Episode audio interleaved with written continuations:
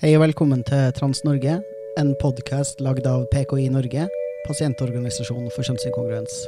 Jeg heter Luka Dalen Espeseth. Dagens tema er transpersoner som tilsynelatende er imot andre transpersoner. Hvorfor er det noen transfolk som syns det skal bli vanskeligere å få tilgang til kjønnsbekreftende behandling? Hvordan kan det ha seg at noen binære transfolk er imot ikke-binære transfolk? Og hvorfor er noen transfolk så opptatt av å ta avstand til andre transfolk? Dette er noen av spørsmålene du får svar på i dagens episode av Trans Norge. I dag har jeg med meg leder av PKI Norge, Alexander Sørli. Hei, hei. Ah, jeg har gleda meg til denne episoden, fordi jeg eh, For det første så gleder jeg meg til alle episodene vi skal lage på poden, men jeg er helt sjukt fascinert av fenomenet folk som tilhører en annen marginalisert gruppe, og som tilsynelatende er imot den gruppa de tilhører. Ja, det er jo unektelig litt spennende det gjør jo noe med den måte, klassiske dynamikken, i hvert fall, da, når man ofte snakker om liksom, diskriminering og stigma og den typen ting. Det er jo fort gjort å tenke at alle mennesker som liksom, opplever marginalisering, ender opp med liksom, lignende forståelse av den marginaliseringsprosessen, og kanskje ikke nødvendigvis blir enig i alle liksom, saker, men har på en eller annen måte den samme analysen, eller ender opp på samme sted. Da. Men sånn er det jo ikke.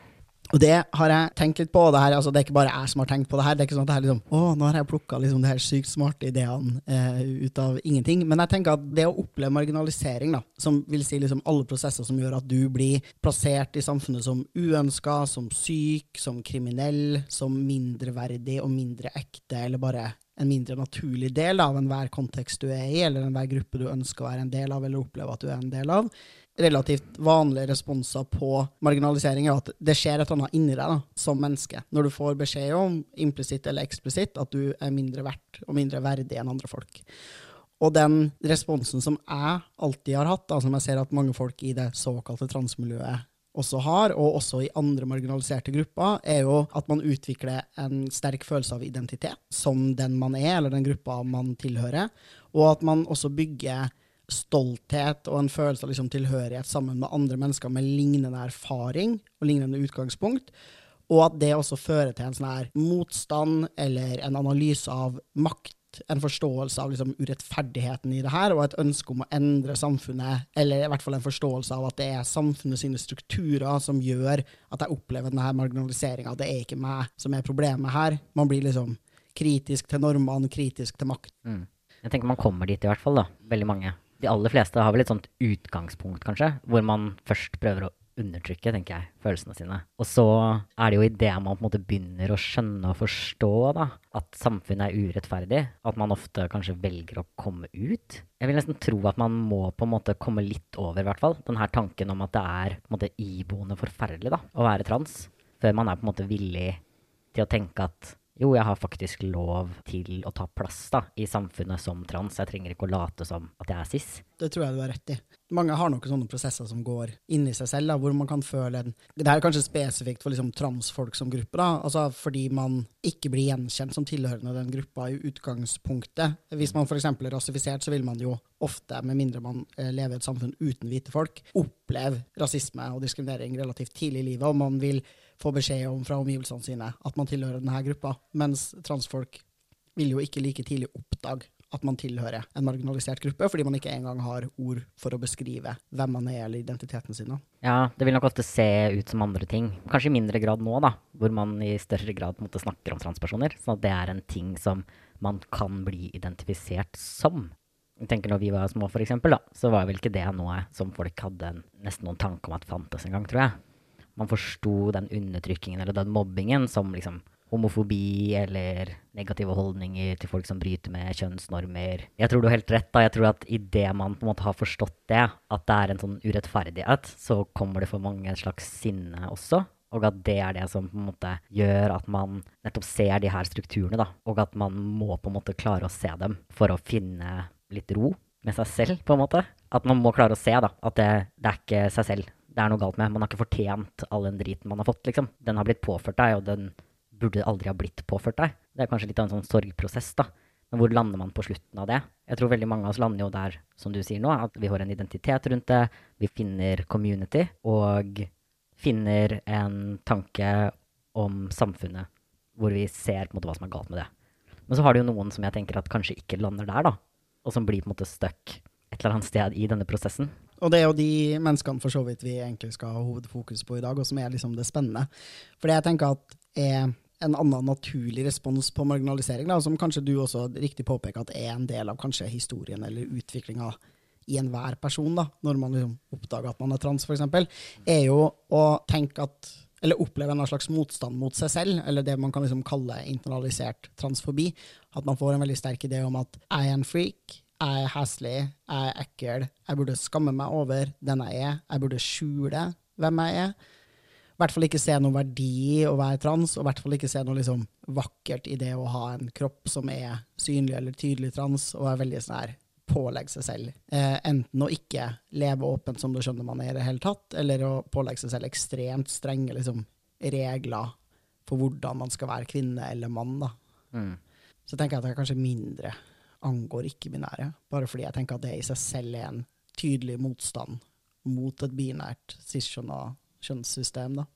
Ja, jeg tenker kanskje prosessen fram mot det å komme ut kanskje kan ligne, da, allikevel. Altså dette med å ha det selvhatet i begynnelsen. Altså det er meg det er noe galt med, jeg er grunnleggende ødelagt og alt dette her. Men måte, hvilke grep man kan ta etterpå, vil nok skille seg en del. Fordi Det snakket vi om litt om i denne sexepisoden også. Men binære transfolk, i hvert fall de som passerer etter transition, har jo også en mulighet til å på en måte assimilere inn i samfunnet på en litt sånn annen måte. da. Det er veldig sant. På samme tid så tenker jeg jo altså Nå er jo ingen av oss ikke-binære, så det her kan vi jo egentlig ikke vite. Eh, Men jeg tenker også at det kan være enda vanskeligere, i hvert fall historisk sett, da, å finne ord og begreper og identiteter og en forståelse av seg selv, når man faktisk ikke liksom opplever å være kvinne eller mann. Jeg tenker at kanskje veien til selverkjennelse er kortere da, for en del binære folk. fordi man liksom, Hvis du har en ekstremt tydelig opplevelse av å være gutt, da, selv om verden har tildelt deg jente som kjønn ved fødsel, så er det liksom Det finnes et ord for det. Du har sett det her konseptet. Du har en faktisk klar idé om hva gutt og mann er, som finnes der ute i samfunnet fra før. Mm. Mens alle ikke-binære identiteter er liksom There's just a lack of representation and language. Mm. Ja, i hvert fall i Norge, da. Så tenker jeg det er definitivt sant. Fordi du trenger på en måte ikke ordet trans, eller identiteten trans, egentlig. Hvis du er binær. Du kan ha en identitet som bare mann eller kvinne, eller gutt eller jente. På en måte så tror jeg jo også at den forståelsen, da, og den måten å ha identitet på, er noe som man så mer før. Og man ser speila mye mer i folk som transitiona for litt lengre tid siden. Hvor man var mer opptatt av å bare si jeg er ikke trans, jeg er bare en mann, eller jeg er en mann uh, født i en kvinnekropp, eller man fant disse her andre måtene å formulere ting på, da, hvor man har sin primære identitet rundt det å være en gutt eller jente, og ikke rundt det å være trans. Og det tror jeg i en stor grad skyldes det du sier nå. Nettopp den her mangelen på begrep da, for å være trans, som veldig mange av oss vokste opp med, og som gjorde at liksom, de identitetsknaggene da, vi hadde, var liksom Ja, det inkluderte ikke det begrepet, da. Jeg tror at hvilke begreper man har når man driver og liksom former identiteten sin, tror jeg har mye å si for hvilke begreper du føler deg komfortabel med som voksen også. Ja, definitivt. Og det, jo, det ser man jo bare i liksom den utviklinga i transbevegelsen selv, på hvilke begreper vi altså majoriteten av oss bruker, hvilke begreper som blir oppfatta som støtende eller krenkende, hvilke begreper som blir oppfatta som liksom hedersbetegnelser eller positivt lada begreper. Og det er jo i stadig endring, liksom. Definitivt. Og hva, hva det betyr, er jo også i stadig endring. På mange måter syns jeg jo begrepet trans er jo spennende sånn sett. For på mange måter så føler jeg at det begynte som en sånn kategori som folk så på som en tredje kjønnskategori. Transpersoner var på en måte folk som verken var menn eller kvinner, eller som byttet eller pendlet litt mellom måte, kjønnsuttrykk. Og så har man liksom en periode hvor man tenker at transpersoner er de som på en måte gjennomgår kjønnsbekreftende behandling og er helt binære. Hvor man har alle disse samtalene om hvorvidt ikke-binære virkelig er trans eller ikke. Og så nå har vi på en måte landet med et sånt umbrella term, da. Men det er spennende hvordan det har pendla fra å være liksom veldig ikke-binært til å bli veldig binært, til å nå bli liksom noe som inkluderer alle. Og det forklarer jo også hvorfor noen binære transfolk, i, altså, både nå, men også historisk sett, har tatt veldig avstand fra trans som begrep, fordi man har forstått det som noe inherently, eller noe iboende ikke-binært. da. Mm. Og så har man hatt en veldig sterk trang til å ha nettopp sin binære identitet, og det skal man jo få lov til, skulle jeg si. Mm. Og man ser det jo også i liksom en del folk som bruker begrepet liksom trans og ikke-binære. Altså Jeg er ikke noen motstander av å si det, for jeg tenker at man eh, har definitivt historisk sett, og også i nåtid, en underrepresentasjon av ikke-binære som er helt hinsides. Altså sånn ikke-binære blir ekstremt usynliggjort, da. Tenker du i media og sånn? Ja, i media, i måten folk forstår trans på. Altså folk er jo altså I et binært cis-normativt samfunn så merker jeg jo det bare når jeg er ute og holder foredrag og liksom snakker med folk, at de har en ganske god forståelse av hva liksom transmenn og transkvinner er, og en manglende forståelse av hva ikke-binære er. Stiller mye mer sånn type kritiske spørsmål. da, liksom å ja, du mener at ikke-binære skal ha tilgang til kjønnsbekreftende behandling. Hva slags kjønnsbekreftende behandling har de lyst på, eller hva kan de trenge? De skal jo ikke bli kvinner eller menn. Og så er Det sånn, det viser en veldig tydelig manglende forståelse av liksom, kjønn som et reelt mangfold, men også bare en veldig manglende forståelse av, av ikke-binære. Eh, så jeg tenker at den synliggjøringa er fin, men jeg er også veldig opptatt av at trans faktisk skal romme da, transmenn, transkvinner og ikke-binære som tre helt likeverdige, likestilte kategorier. Ja. Men så er det, jo, det er jo interessant, da. Det har jo også vært en del, eller var i hvert fall det før, så var det jo en del ikke-binære også som mente at de ikke var trans. Husker vi hadde jo den, skrev en sånn liten bok, eller vi ga ut en sånn liten bok blant annet, hvor eh, det er folk som er ikke-binære med der, som veldig tydelig snakker om det å være ikke-binær som det å verken være cis eller trans. Jeg hadde jo en utveksling i Morgenbladet som omhandla det her. Nettopp måte de som mener at de verken er trans eller cis, da. Eh, Og heller forstår det som et sted midt imellom de to, og opplever det som en sånn ny binaritet, på en måte. Ja, men det er jo helt sant. Altså, cis og trans er to veldig binære kategorier. Og alle binære kategorier har det problemet at de vil av og til favner feil. Du vil inkludere mennesker som egentlig ikke føler seg hjemme der, eller skulle ha vært inkludert, og så vil du ekskludere mennesker som egentlig føler seg hjemme der, og som burde vært inkludert. Men jeg opplever jo også at Herregud, nå høres- jeg har ikke lyst til å liksom prate om ikke-binære som en sånn stor størrelse som finnes langt utenfor meg selv. Men jeg, jeg opplever at når vi hadde diskusjoner i transmiljøet når vi hadde de her diskusjonene om hvorvidt ikke-binære var trans, så følte jeg jo ganske overveldende at ikke-binære mennesker ikke hadde noe mot å bli forstått som trans. Det var mer en følelse av usynliggjøring i transmiljøet, og en slags idé om at man ikke liksom var trans nok. da. At man tenkte at trans måtte være noe som inkluderte dysfori, at man måtte transisjonere sosialt eller medisinsk, eller begge deler. Og at dermed så var det en del ikke-binære mennesker som bare følte at de liksom ikke klarte å leve opp til liksom kategorien trans. da. Og det tenker jeg var et internt problem i transbevegelsen, at man ikke faktisk klarte å skape det rommet. da. Mm. Nei, altså, jeg er i utgangspunktet enig i det, men jeg har definitivt en, en del folk nå også som jeg kjenner, særlig folk som er litt eldre, da, og som er helt happy med å måte leve som det kjønnet de ble tildelt ved fødselen, og som måte ikke ønsker å ta noen kjønnsbekreftende behandling, ikke endre navn osv., men som har en ganske tydelig opplevelse av seg selv som noen som ikke har et kjønn, f.eks., som veldig tydelig formidler til meg at de opplever det som rart eller feil å si at de er trans, fordi de på en måte er så tydelig plassert da, i samfunnet som cis, og at det liksom former den opplevelsen da, på en sånn måte at de liksom bare ikke klarer å identifisere seg i noen stor grad med liksom transhet. Men det gjelder særlig folk som er litt eldre. Jeg tenker sånn folk som er over 40 osv. Altså, som forstår seg selv som et sånt sted midt imellom. Så jeg tror det har vært en litt sånn blanding, da. Men jeg er jo helt enig i det. Jeg tenker i all hovedsak at folk ønsket det, ellers så tror jeg ikke vi hadde endt opp sånn som vi gjorde, med at ikke-binære er trans. Altså sånn, Hvis, hvis ikke-binære stort sett som gruppe liksom var imot den kategoriseringen, så tror jeg ikke vi hadde endt opp med det. da. For, nettopp fordi det også var motstand generelt i transmiljøet på det. Den siste tingen som jeg tenker at er liksom en normal respons da, på å oppleve å bli marginalisert eller annerledesgjort, er å ikke bare liksom internalisere transfobien mot seg selv og tenke at man selv er dårlig, men også bli veldig policing eller kjip overfor andre transfolk. Altså at man blir opptatt av hvordan andre transfolk presenterer, hvordan de snakker, hva slags språk de bruker, hvorvidt de gjennomgår kjønnsbekreftende behandling eller ikke, og også at man blir mer opptatt av hvordan man selv eller transfolk som gruppe oppføre seg i samfunnet, og at hovedmålet er å liksom få cis-folk til å respektere oss, ikke gjennom en, en liksom samfunnsendring og en strukturell endring, men gjennom at vi skal tilpasse oss det systemet som allerede liksom finnes der. Mm. litt sånn respektabilitetspolitikk, som jeg uh, liker å kalle det. Det Ja. litt sånn kronglete ord, da, men jeg tenker at det er passende. Cis-pleasing. Ja.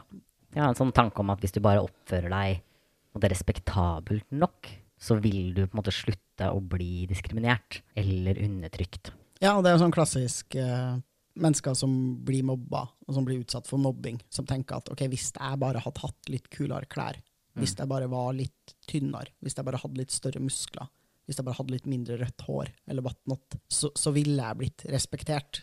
Og, og det kan jeg liksom veldig godt forstå, da, fordi man, man har jo, som du sier, da, det er en slags sorg i å innse at man er utsatt for en urettferdighet som er ufortjent. Altså det, det er noe veldig frigjørende i det, på samme tid som det gjør det jo vanvittig vanskelig å få gjort noe med.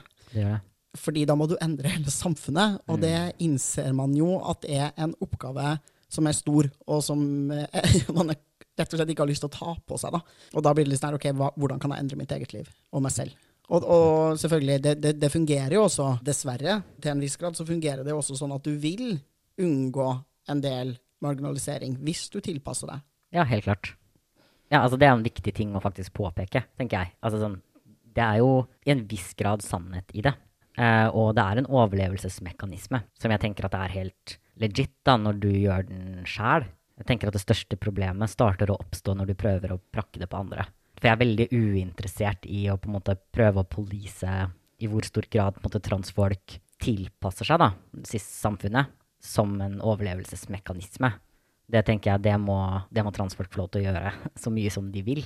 Og det tenker jeg er noe som nesten alle transfolk har gjort på et eller annet tidspunkt. Om det så er å kle seg på måter som på måte, egentlig representerer deg i noen særlig grad, fordi du passerer bedre med en viss type klær eller en viss type hår. Kan være å på en måte unngå å prate, ikke sant, fordi du skal prøve å, å fremstå cis i en viss situasjon. Jeg tenker det er veldig masse man kan ta, da, hvor det er helt liksom legit å gjøre det. Men som du sier også, så er det veldig mange som vil dra den enda lenger, og tenke at andre folk ødelegger for meg ved å fremstille på en måte gruppa mi, og derfor meg, i et dårlig lys.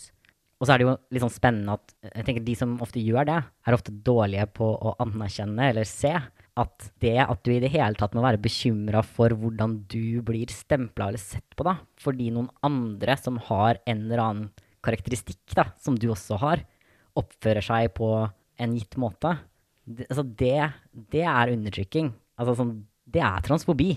Hadde du vært cis, så hadde ingen noensinne tenkt at liksom Å, jeg møtte en skikkelig rasshøl liksom, som var cis, så nå tenker jeg at du er et rasshøl fordi du er cis. Det opplever du ikke hvis du er cis, da. Det er en ting du opplever fordi du er trans, fordi vi er få, og en veldig liten og veldig stigmatisert minoritet, som gjør at liksom bare én annen transperson som gjør et eller annet heslig, er jo nok til at vi helt reelt kan bli behandla dårligere. Ja, definitivt. Bare sånn, se for deg hvit, heteroseksuell cis-mann si noe dumt på TV. Det finnes ikke en eneste hvit heteroseksuell cis-mann i Norge som ser på den TV-kanalen og liksom krymper seg i stolen, tar puta foran ansiktet og er sånn 'Å nei, tenk at han sa det'. Nå kommer alle til å tenke at jeg er sykt ræva. Nei, ikke sant? Og det her er også liksom grunnen til Når folk liksom snakker om sånne idiotiske begreper som liksom, ja, omvendt rasisme, eller eh, eh, snakke om liksom Å, du er liksom mannehatende, eller eh, liksom si at jeg er cisfob, eller liksom negativt innstilt til cis-folk, så blir jeg sånn her Det er faktisk liksom fysisk umulig for meg å generalisere cis-folk på Ja. den måten som cis-folk klarer å generalisere over transfolk. liksom. Og det handler ikke bare om liksom, hvor mange de er, men det handler om liksom, den makta de har, og, og hvordan de alltid er framstilt som akkurat det mangfoldet de er. Da. De er aldri bærere av de her majoritetskategoriene sine. Samme hvor mye vi kaller dem cis, så, så blir på en måte ikke cis-folk cis på samme måte som transfolk blir trans. Nei, aldri. Det, det går ikke. Ja, som du sier, det handler om makt, men jeg tenker også faktisk at størrelse på gruppa her er liksom superrelevant. Fordi som transperson så har du Du har cis-kjønna familiemedlemmer, du går på en skole som primært, eller kanskje bare, har cis-kjønna elever rundt deg. Du har cis-kjønna venner, du har cis-kjønna kjærester ofte. Du har cis-kjønna autoritetspersoner i livet ditt, lærere. Ofte så vil måte, veldig mange av dine aller, aller verste opplevelser være med cis-folk, men veldig mange av dine aller, aller beste opplevelser vil også være det. Altså sånn, sånn er det da, å være en bitte liten minoritetsgruppe, og det gjør at liksom det er umulig for meg inni mitt hode å ha liksom et sånt stereotypt uh, bilde da, av hva liksom cis-folk er. Fordi jeg hele tiden må forholde meg til cis-personer som hele mennesker. da. Og det er jo en flott ting å gjøre. Ja, Jeg skulle bare ønske at det var gjensidig. det er liksom enig? Målet er ikke å få stereotype, stigmatiserende ideer om hvem cis-folk er. Målet er at man skal slutte å ha stereotype og stigmatiserende ideer om hvem transfolk er som gruppe. Ja. Man kan fort ende opp et sted da, hvor man frykter majoriteten sin makt, uten å liksom sette spørsmålstegn ved hvordan majoriteten fikk makta si, og hvorfor de i hele tatt skal liksom fortsette å ha den. Det gjennomsyrer debattene så voldsomt. da. Eksempel har jeg noen ganger i den her eh, legendariske garderobedebatten bare stilt sånn spørsmålet Men hvorfor er det cis-kvinner som skal få lov til å definere hvor, Hvorfor har de en selvsagt rett til å si hvem kvinnegarderoben er for? Hvorfor lar vi dem i det hele tatt få lov til å si hvem de mener at burde være med og ikke med i en Mm. kvinnegarderobe? Og da blir folk helt sånn her Men du kan jo ikke mene at ikke cis-kvinner skal ha et selvsagt ord med i laget på det. Og så er det sånn Det er vel like naturlig at transkvinner får lov til å bestemme hvem kvinnegarderoben er for. Hvis du faktisk anerkjente at cis-damer og transdamer er likeverdige, da. Men det gjør man jo ikke, så det Korrekt. That's the problem. Mhm. Så lenge dem som har makta, fortsatt har makta, så er det positivt når minoritetsgrupper og marginaliserte grupper får rettigheter. Men det er jævlig viktig å påpeke at vi veldig ofte fortsatt er i en tilstand hvor rettighetene våre er gitt på majoriteten sin nåde. Det er et egentlig liksom konstant terrorvelde man lever i som minoritet, hvor man vanskelig kan liksom skille seg fra det. Jeg tenker at det ville, det, det ville nok ikke skjedd i Norge i 2021 at noen begynte å diskutere hvorvidt man skulle frata kvinner stemmerett igjen. Mm. På en måte. Vi, der, der har vi kommet til et punkt hvor det, liksom, det er ikke en diskusjon. Det ville vært en liksom helt latterlig ting å si. Men hvis man skulle sett for seg hva er oddsen for at samskjønna ekteskap er en rettighet som slutter å eksistere, versus at ulikekjønna par plutselig skulle bli fratatt retten til å gifte seg og inngå ekteskap. Mm. Jeg tror det er opplagt for alle at ulikekjønna par aldri, aldri, uansett hvordan politikken utvikler seg, uansett hva som skjer, vil stå i fare for å miste retten til å gifte seg. Mens det er helt plausibelt å se for seg en framtid hvor folk utfordrer rettigheten og muligheten for samskjønna par til å gifte seg. Ja. Og det gjør jo at samskjønna par i Norge, eller skeive folk, lever under en liksom konstant trussel. Jeg tenker at det er minoriteten sin, sin byrde i livet, også når vi egentlig blir møtt med relativt høyt nivå av liksom Av respekt eller av Ja. på måte, aksept i samfunnet. Ja. helt klart. Og ofte så vil du også se at den kan bli fratatt oss da, veldig fort. Hvis vi på en måte ikke oppfører oss sånn som måte, samfunnet vil at vi skal, så er det på en måte litt sånn fritt fram å begynne å angripe dette igjen. Da. Og det tenker jeg også er et veldig sånn tydelig tegn på hvor langt har vi egentlig kommet. Altså hvor, hvor langt under overflaten da, ligger på en måte folks vilje til å begynne å angripe deg basert på minoritetsstatus, eller begynne å på en måte frata deg rettigheter. Og det tenker jeg er for så vidt er liksom in interessant. Han, Frank Rossavik blant annet skrev jo en kronikk i Aftenposten hvor han er veldig opptatt av at vi skal ha liksom kritiske venner, og hvor han på en måte tar fram noe jeg har sagt, og prøver å på en måte stille spørsmål ved da, om ikke liksom det å kalle personer som Anki Gerhardsen transfobisk, da, ikke vil føre til at folk som ellers ville på en måte støttet min grunnleggende rett da, til liksom å motta helsehjelp og ha liksom ikke bli diskriminert eller utsatt for vold, da vil plutselig ta fra meg det, da. Altså folk som ellers ville vært mine allierte, som mente at jeg hadde rett på alle de her tingene, plutselig mener at jeg ikke har rett på de her tingene, og vil på en måte kjempe for å frata meg dem, fordi transaktivister kalte noen transfobe, og de mente det var urimelig. Jeg bare tenker, det i seg selv, da. Altså det å ikke se hvor vanvittig av en slags trussel, ikke, ikke at Rossavik kommer med den trusselen, men hvor vanvittig på en måte trussel det er fra samfunnet hele tiden på transfolk, syns jeg er fascinerende, da. Og på en måte ikke være kritisk til det som konsept, og være sånn her, ja, du har for så vidt rett i det, sånn, du har helt rett, sånn, det er kjempeskummelt å leve og eksistere i verden som transaktivist, fordi jeg hele tiden veit at det jeg sier, kan bli brukt da, av cis-folk til å bare være sånn her Nei, men eh, jeg hadde tenkt å måtte i hvert fall ikke stemme imot, da, eller aktivt eh, liksom, gå imot dine rettigheter eller din på en måte, grunnleggende liksom, menneskeverd. da, på en måte. Men nå som du sa denne tingen, så har jeg tenkt å bare prøve å liksom gjøre deg til noen som ikke har noen rettigheter, da. Altså, det, det, er, det, er, altså det, er en ganske stor byrde, da. Å putte på en minoritetsgruppe, liksom. Ja, altså det er en helt hinsides maktdemonstrasjon. Og så sier det også noe veldig viktig om allierte. Da. Og det er en grunn til at vi faktisk krever ganske mye av våre allierte. Fordi det er plutselig så snur folk bare. Da. Og vi har erfart, både i storsamfunnet, men også på liksom, personlig nivå, at mennesker kan framstille seg selv som ja, nei, jeg støtter dine rettigheter, og jeg syns at transfolk skal ditt, og jeg syns at transfolk skal datt. Og så er man liksom litt sur på en fest, avvisende, vil ikke ligge med noen, eller kalle noen transfob, da, som er mm. no harm done, liksom. Og så er plutselig folk sånn der Nei, Nei, ombestemt meg. Mm. Da forstår man også bare at du hadde ikke grunnleggende sett en idé om at vi var faktisk likeverdige mennesker, for da mm. ville du aldri funnet på det du gjør nå. Mm. Og ja, at du bare ikke ser hva slags makt du sitter med når du har, tror at du har en selvsagt rett til mm. å bare ombestemme deg. Og bestemme deg for at nei, jeg liker ikke transfolk lenger. Jeg møtte en mm. kjip transfyr, liksom. Jeg orker ikke mer jeg, jeg, elsker for så vidt at du faktisk tok opp liksom ikke vil ligge med der, fordi det er faktisk en erfaring som jeg har hatt ganske mye. Altså sånn, det at jeg har vært liksom avvisende til ofte liksom ekstremt upassende måter å gå fram, da. Til å være med meg seksuelt på en eller annen måte, liksom. Og ikke på en måte bare møter det med en slags sånn umiddelbar nesten takknemlighet, da. For at f.eks. noen som ser seg selv som en homofil mann og derfor bare er tiltrukket av menn, da, gidder å være tiltrukket av noen som meg. At det er en sånn slags Ja, men da aksepterer jeg jo identiteten din ved å ville pule deg, liksom. Og at en på en måte litt streng avvisning kan føre til sånn her Det her er grunnen til at alle tenker at dere er uh, skikkelig ekstreme, eller whichever, da. Altså sånn virkelig.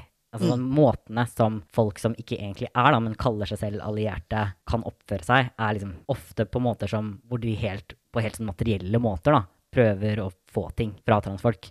Og prøver å straffe oss hvis vi ikke gir det. Altså, det er en, det er en skikkelig heslig dynamikk da, som kan oppstå. Og jeg tenker at du har helt rett. Altså, det er en grunn til at vi er skikkelig strenge med allierte. Det er fordi folk som faktisk ikke er allierte, og som bare kommer inn og guilt-tripper hele tiden, eller holder over hodet på oss, da, vår menneskelighet, egentlig, og sier at 'jeg slutter å behandle deg som et menneske', slutter å bruke riktig pronomen for deg, jeg vil begynne å jobbe imot deg og dine rettigheter da, hvis du ikke gjør som jeg sier, Altså, det er ikke folk som det er liksom greit da, å ha rundt en veldig marginalisert gruppe, liksom. Nei, det er bare helt Å, ja. Jeg kjenner jeg blir sinna. Det koker. Ja. Koker inni. Det var en liten sånn sideting, da, men det er, det er, viktig, liksom. Allierte må faktisk kunne liksom stå i også urimelige anklager innimellom, og fremdeles mene at transfolk er mennesker som fortjener grunnleggende rettigheter i samfunnet. Ja, du får lov til å bli sint, du får lov til å bli lei deg, du får lov til å ha alle liksom, følelsene i hele verden, men hvis du kjenner Nå tenker jeg om transfolk som gruppe at de er dårlige, mindre verdt. Jeg vil frata dem rettigheter. Jeg har lyst til å snakke om noe nedverdigende på gruppenivå, eller jeg har lyst til å liksom feilskjønne deg, fordi det vet jeg at det gjør vondt for mm. transfolk. Da er du bare dritt, da. Da stakk det her to centimeter dypt. Ja. Det må stikke dypere, liksom. Jeg er helt enig. Og så selvfølgelig en liten eh, liksom, shout-out til liksom, Det er masse bra cis-folk som, som, klarer det, da.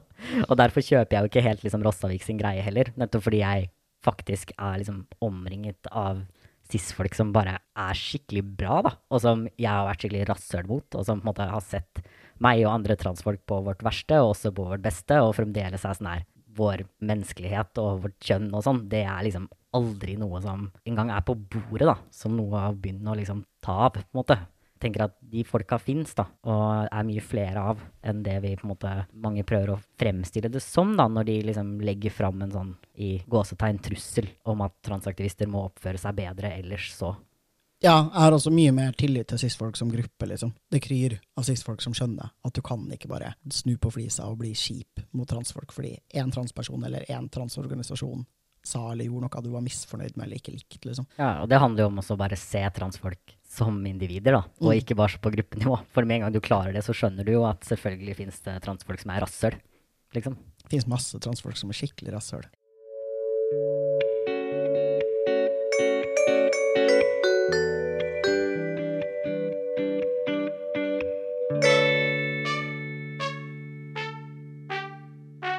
Jeg er veldig gira på å ikke gi enkelte transfolk ansvar for verken liksom, samfunnsstrukturene eller måten transfolk som gruppe blir behandla på, og heller ikke sine egne responser på det å bli utsatt for transfobi. Akkurat som du sa i stad, det er helt legitimt for en transperson å ikke være åpen om at man er trans, og prøve å tilpasse seg samfunnet. Apropos det med å liksom ikke være representant hele tiden også. Jeg tenker at eh, jeg syns det er spennende da, når du har en del av disse som er trans, og som går ut i media eller type og kritiserer andre transfolk. da. Ofte fremstiller det også som om transbevegelsen, tror jeg, er på en måte mer bekymra for dem enn det som egentlig er tilfellet. Fordi for dem så er det jo sånn at alle vi, hver gang vi uttaler oss og sier et eller annet dumt liksom, som de mener er teit, så tenker de at å herregud, det her er på en måte en, et angrep på meg. Dette er liksom skadelig for meg, fordi alle transfolk representerer meg på en eller annen måte, sånn uavhengig av om de sier at de faktisk gjør det, da. Mens jeg tenker at vi gjør jo egentlig ikke det.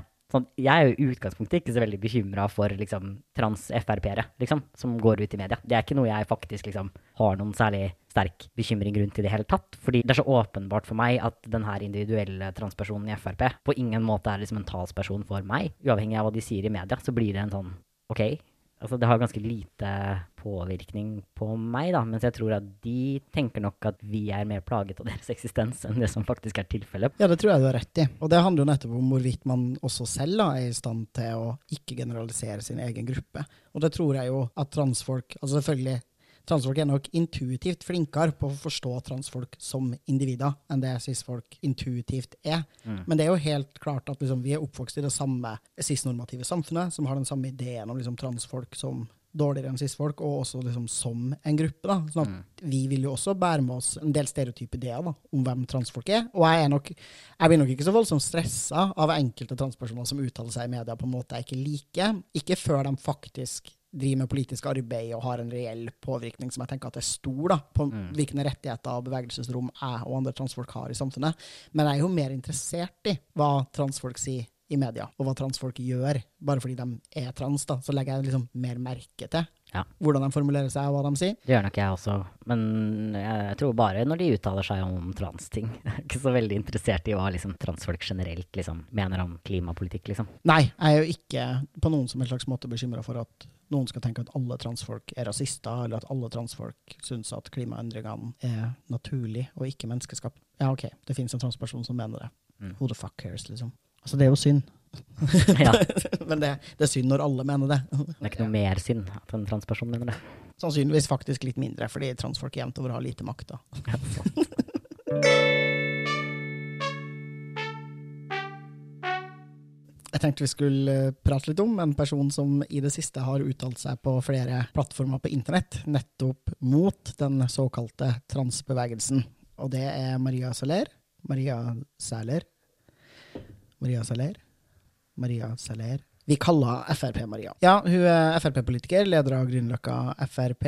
Har tidligere skrevet for Resett, skrevet en del kronikker der, bl.a. også om trans, men også om en del andre tema. Hun er tydelig plassert som innvandrerkritisk, som de kaller det. Hun har også blogga litt og skrevet om trans, og har det siste også stilt opp i et intervju i Nettavisen på TV 2, og også i den kristne avisa Dagen. Jeg må innrømme at jeg egentlig vet veldig lite om henne, og heller ikke lest noe annet enn en sånn coming out spalte i Resett for et par år siden, som eh, jeg husker at jeg tenkte var eh, kanskje først og fremst litt trist. Men ja, plutselig så ble det veldig mye henne i monitor. Og jeg var ganske fascinert over hvordan for meg så virker det litt som at hun tenker at vi tenker mye om hvordan hun bør være. Og det gjør vi jo ikke. Nei, jeg tenker at hun er et veldig typisk eksempel på en kvinne som nå plutselig er veldig åpen om sin transhistorie, og som helt tydelig er en respons på en motstand mot hvordan transbevegelsen eller trans har blitt framstilt i media. da. For tydeligvis et uh, sterkt ønske om å liksom, komme med et liksom, annet narrativ og en annen måte å forstå trans på. Og er veldig tydelig på at det vil nok ikke transbevegelsen like, og syns at det er dårlig og negativt. Og det,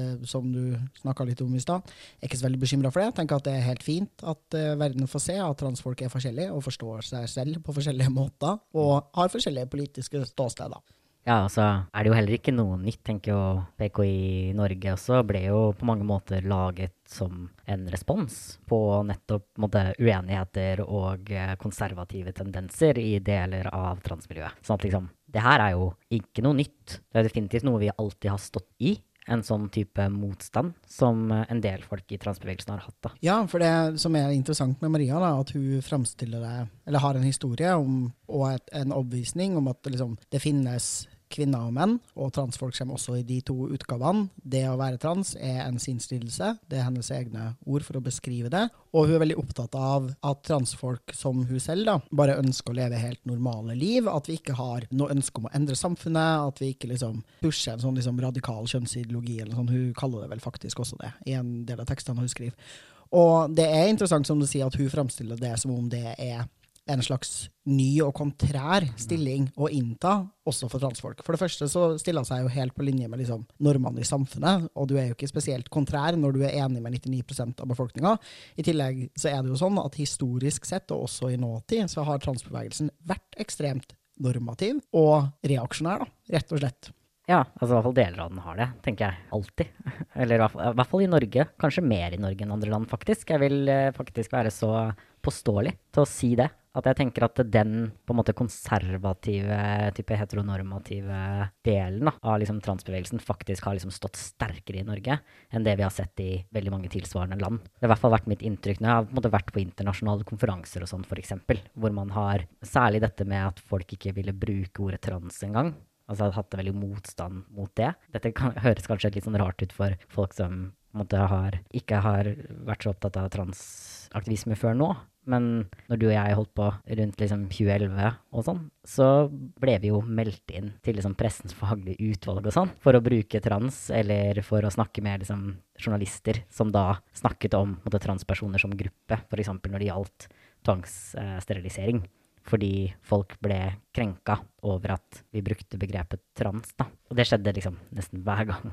Det er sant, det var en artig tid. Jeg opplever det også veldig som et sånn særnorsk fenomen. Jeg har jo jobba med å liksom være transaktivist i over ti år nå, og vært på en del internasjonale konferanser og liksom hatt eh, kontakt med transfolk i veldig mange andre land og andre verdensdeler også. Og det er få land som kan vise til en tilsvarende konservative transorganisasjoner som er så stor og så dominerende i politikken og narrativet som det man har i Norge. Det finnes grupper i andre land som er det man liksom kaller i transmiljøet for liksom true scum eller medicalists, eller liksom som var overbevist om at transfolk kommer i utgaven enten kvinne eller mann, at det er en psykisk lidelse, at man ikke kan det for det, at man er født sånn på en sånn misdannelsesnivå, nesten. Men det finnes ikke tilsvarende utbredt i andre land, og i hvert fall ikke folk som liksom ikke tar trans da, som ord i sin munn, og som mm. tar liksom avstand fra hele konseptet det å være trans. Det er et veldig særnorsk fenomen. Ja, det er definitivt også min opplevelse at det er det. Og det gjør jo også på en måte den samtalen rundt det her interessant, da. Nettopp fordi at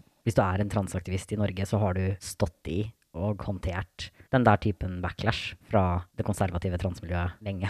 Mm. altså, det er ingenting nytt med det. sånn at Når hun liksom står fram på denne måten, så blir det liksom fremstilt, ikke bare av henne, opplever jeg, men også av folk som kommenterer og den typen ting, at det her er en sånn ny, modig måte å være på, da som på en måte er sånn åh, endelig ser vi en sånn pushback. Så er det sånn nei, nei, det her, det her er bare erketypisk. Altså sånn, dette har vi stått i hele tiden. Det er ingenting nytt med det, liksom. Og et veldig klassisk eksempel på noen som har uh, transitiona tidlig i livet, og som uh, passerer, blir lest som kvinne og lever som kvinne, og som ikke liksom, har vært spesielt åpen om sin liksom, transhistorie, og som er liksom, heteroseksuell, og bare tilpasse seg, eller passe allerede godt inn i liksom, samfunnsnormene. Det er det transfolk har holdt på med i store deler av historien. Ja, det å måtte passe inn i de her kategoriene, altså liksom ja, være en kvinne som er feminin og heterofil osv., har kommet ut i en ung alder, det er jo ikke noe galt i det i seg selv. Men det er klart, det er veldig ofte en forutsetning for å lande i den posisjonen som hun er. Fordi vi er vel egentlig ingen som faktisk liksom tror på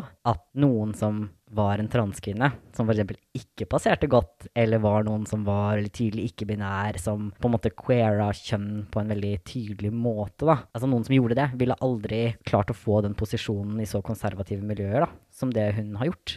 Altså den anseelsen hun eventuelt har fått der, da, er noe hun klarer å få fordi hun passerer og, tenker jeg, liksom fremstår jo og er en vakker, ung kvinne. Veldig tydelig. Og at liksom, hvis det, hun var noen som ja, hadde på en måte veldig tydelige maskuline trekk, ikke klarte å passere som en cis-kvinne, så tror jeg at hun ville slitt veldig med å på en måte innta en sånn posisjon. Og da tror jeg heller ikke at den strategien ville fungert. Hvis det gir mening? Altså sånn den formen for respektabilitetspolitikk, da, hvor man er sånn her Jeg er bare en helt vanlig kvinne som vil leve et vanlig liv, og jeg er ikke en sånn crazy transaktivist. Det er noe som funker nesten bare, tenker jeg, hvis du klarer å passe ganske godt inn i cis-heteronormativt forventninger, da. Så det er definitivt ikke bare et valg du kan ta i måten du ordlegger deg på, hva slags valg du gjør i livet. Det er også et valg som er veldig veldig avhengig av hvordan kroppen din ser ut, og hvordan du blir lest. da, På det nivået hvor du ikke har kontroll eller råderett over det fullstendig selv. da. Og det er jo i seg selv et enormt privilegium. Både liksom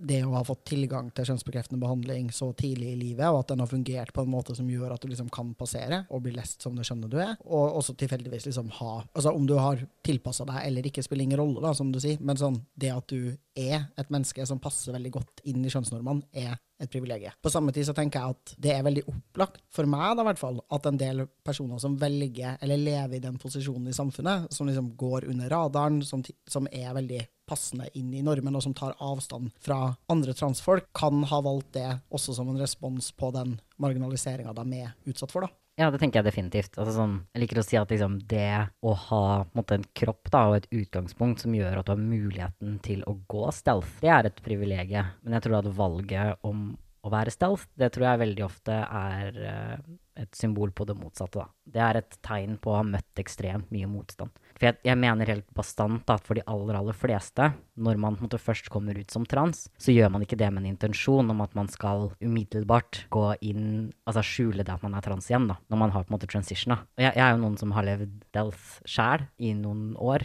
Det er mye jeg kan si på en måte om, om det. Men jeg tenker, i hvert fall for meg, så var det veldig tydelig liksom Altså, jeg bare ble utsatt for så mye diskriminering, rett og slett. Også på en måte regelrett vold.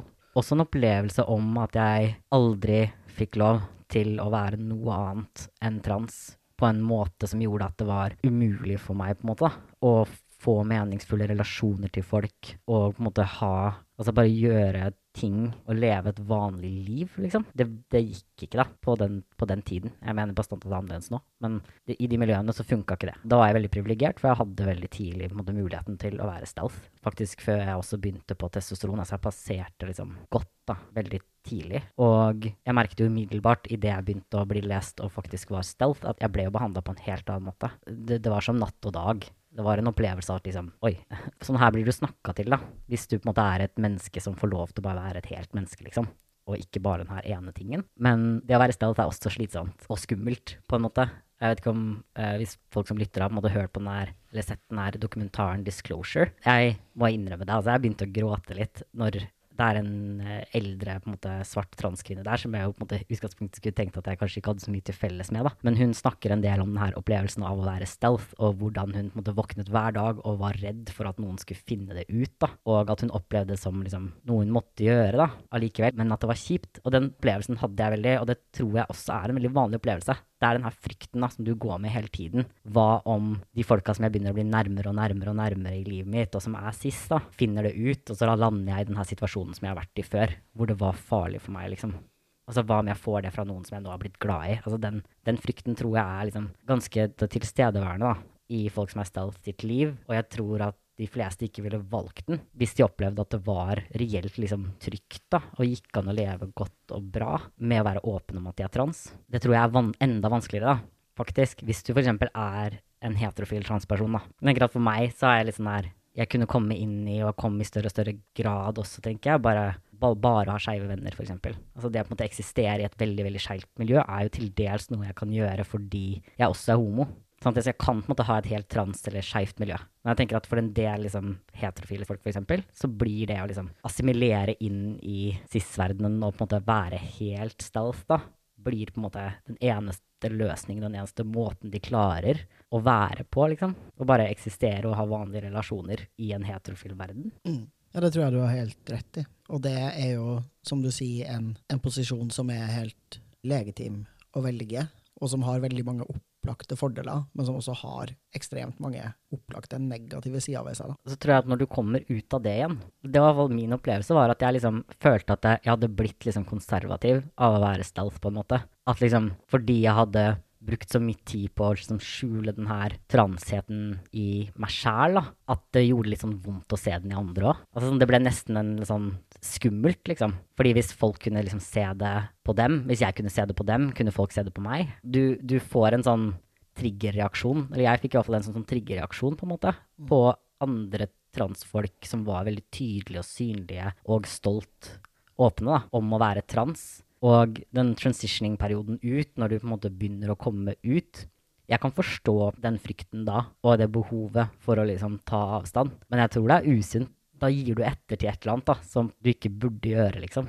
Men uh, jeg, jeg tror at det ikke er tilfeldig at veldig ofte så kan vi se den typen veldig konservativ, egentlig transfobisk respons da, fra transfolk ofte kommer fra en del folk som passerer godt, har vært stealth, og så velger sånn å stå fram igjen. Og være sånn, nei, nå skal jeg liksom fortelle alle, nå skal jeg være åpen om denne tingen. Så kommer det mye sånn avstand, liksom. Ja, derfor har jeg lyst til Jeg syns det her avsnittet som eh, Maria har skrevet, avslutter veldig godt på liksom det du sier nå. Hun sier, eller har skrevet da, følgende. Transseksualisme eller kjønnsdysfori er en sinnslidelse.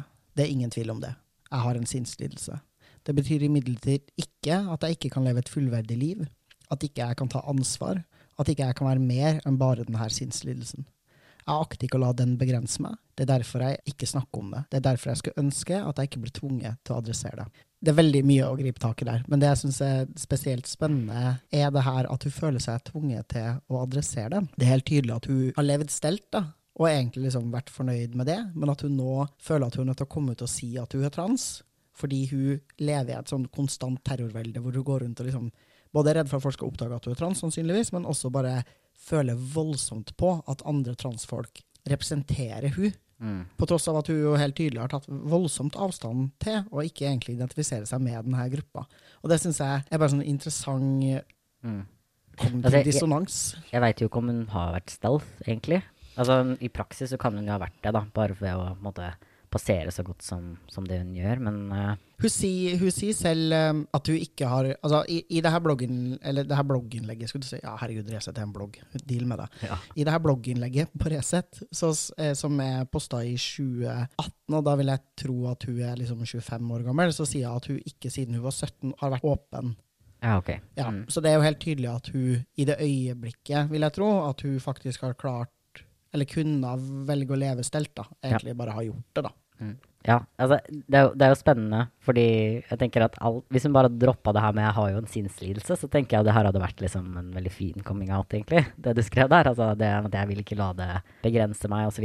Men det er jo, som du sier, også veldig tydelig at det har det, da. Altså det å si at liksom 'nå må jeg komme ut', ja, det er jo nettopp den der følelsen, tenker jeg, av at liksom Shit, tenk om noen finner det ut. Og det tenker jeg jo, uten at jeg skal mene noe om hva akkurat denne personen, eller liksom hva hun har opplevd, det vet jeg ikke. Men jeg tenker jo at den følelsen der må jo være liksom sjukt mye mer intens også, da, hvis du er så i de miljøene som er på Resett og på liksom ytre høyre. Altså sånn, tenker det å assimilere inn i det miljøet, og altså å være stealth der oh, Ikke at det unnskylder alt det hun mener på noen som helst måte. Det mener jeg ikke at det gjør. Jeg tenker at vi alle tar liksom valg, og at minoriteter også måte, må holdes like ansvarlig for de valgene. Men jeg tenker at det, det har jo helt sikkert vært liksom Ja, altså, det å være stalt i sånne miljøer må jo være veldig fryktprega.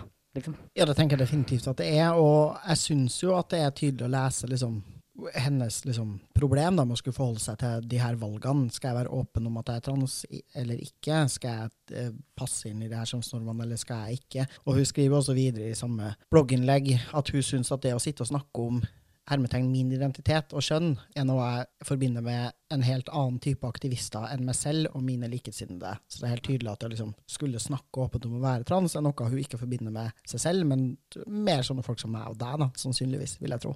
Ja.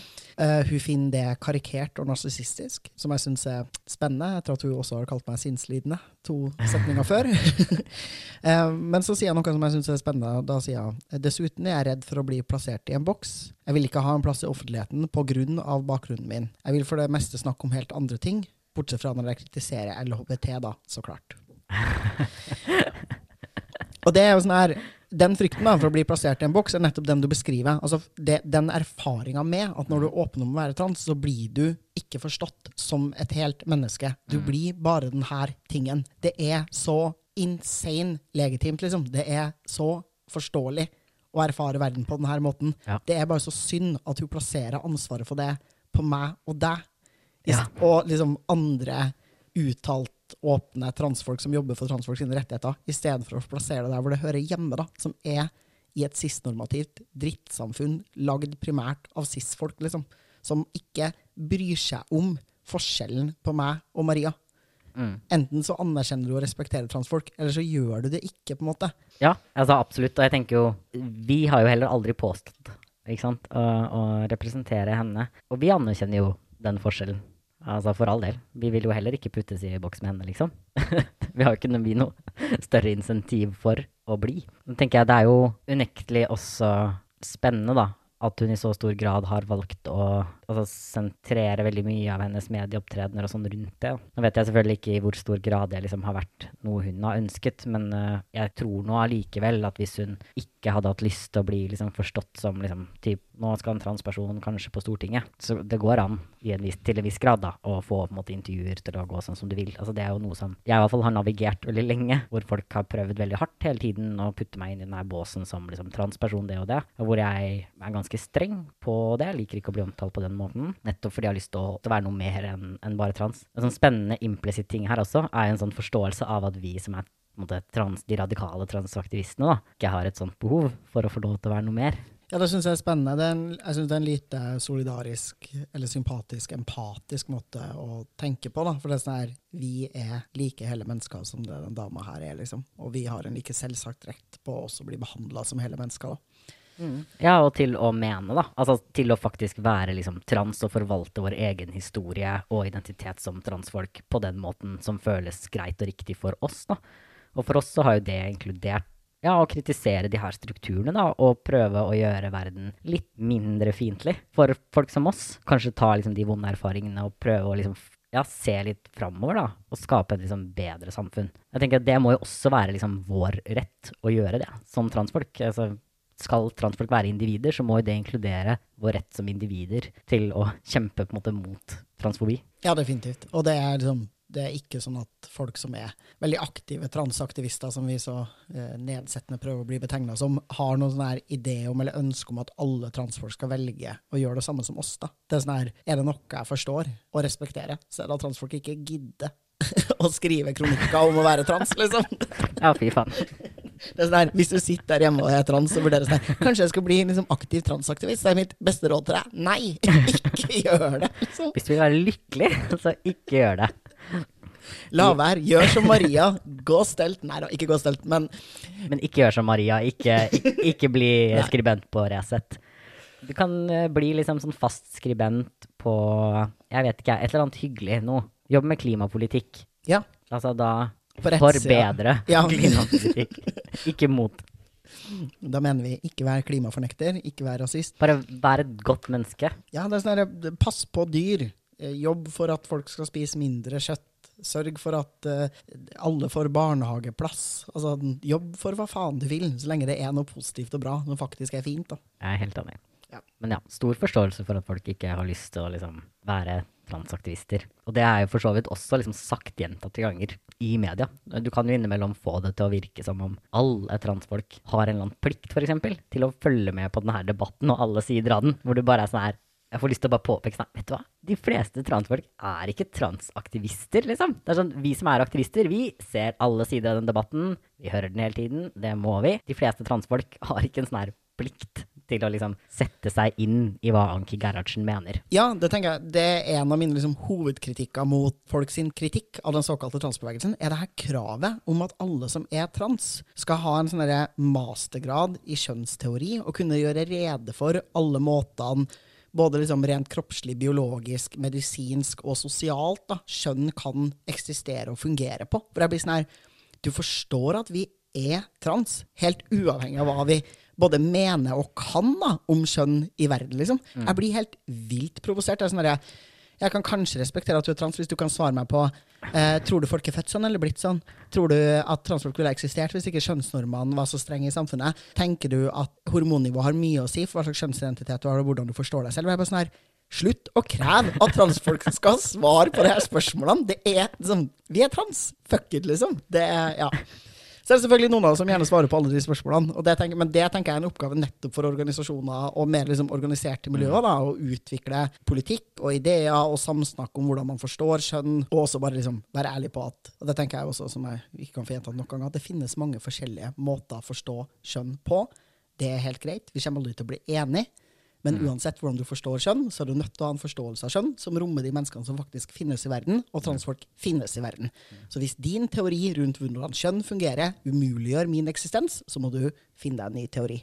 Men hun har også en del sånn Sier hun ikke ganske sånn eksplisitte ting også om ikke-binære? Hun er ganske eksplisitt liksom, kritisk til det. Sånn. For det også er en sånn typisk liksom, reaksjonær, føler jeg, da, respons som en del liksom, veldig sånn passerende transfolk, konservative, da, kan vi si, transfolk har. Og det tror jeg også måte, nettopp handler om at man prøver å ansvarliggjøre noen andre da, for at man selv har blitt puttet i en sånn ikke-binær boks. Og det er jo unektelig liksom kjempefrustrerende, selvfølgelig. Når man er liksom en transmann eller en transkvinne, så er det liksom ekstremt provoserende å hele tiden få beskjed om sånn Ja, men du er jo et tredje kjønn, ikke sant. Hvorfor må dere kunne bytte juridisk kjønn så lett, da? Kan dere ikke bare få et tredje et? Fordi det er spennende, for nå vil de jo absolutt ikke ha noe tredje kjønn. Men når vi kjempet for å slippe ned kastreringen, så var jo folk, var mange som mente at det var en veldig god løsning at vi bare skapte et tredje ett.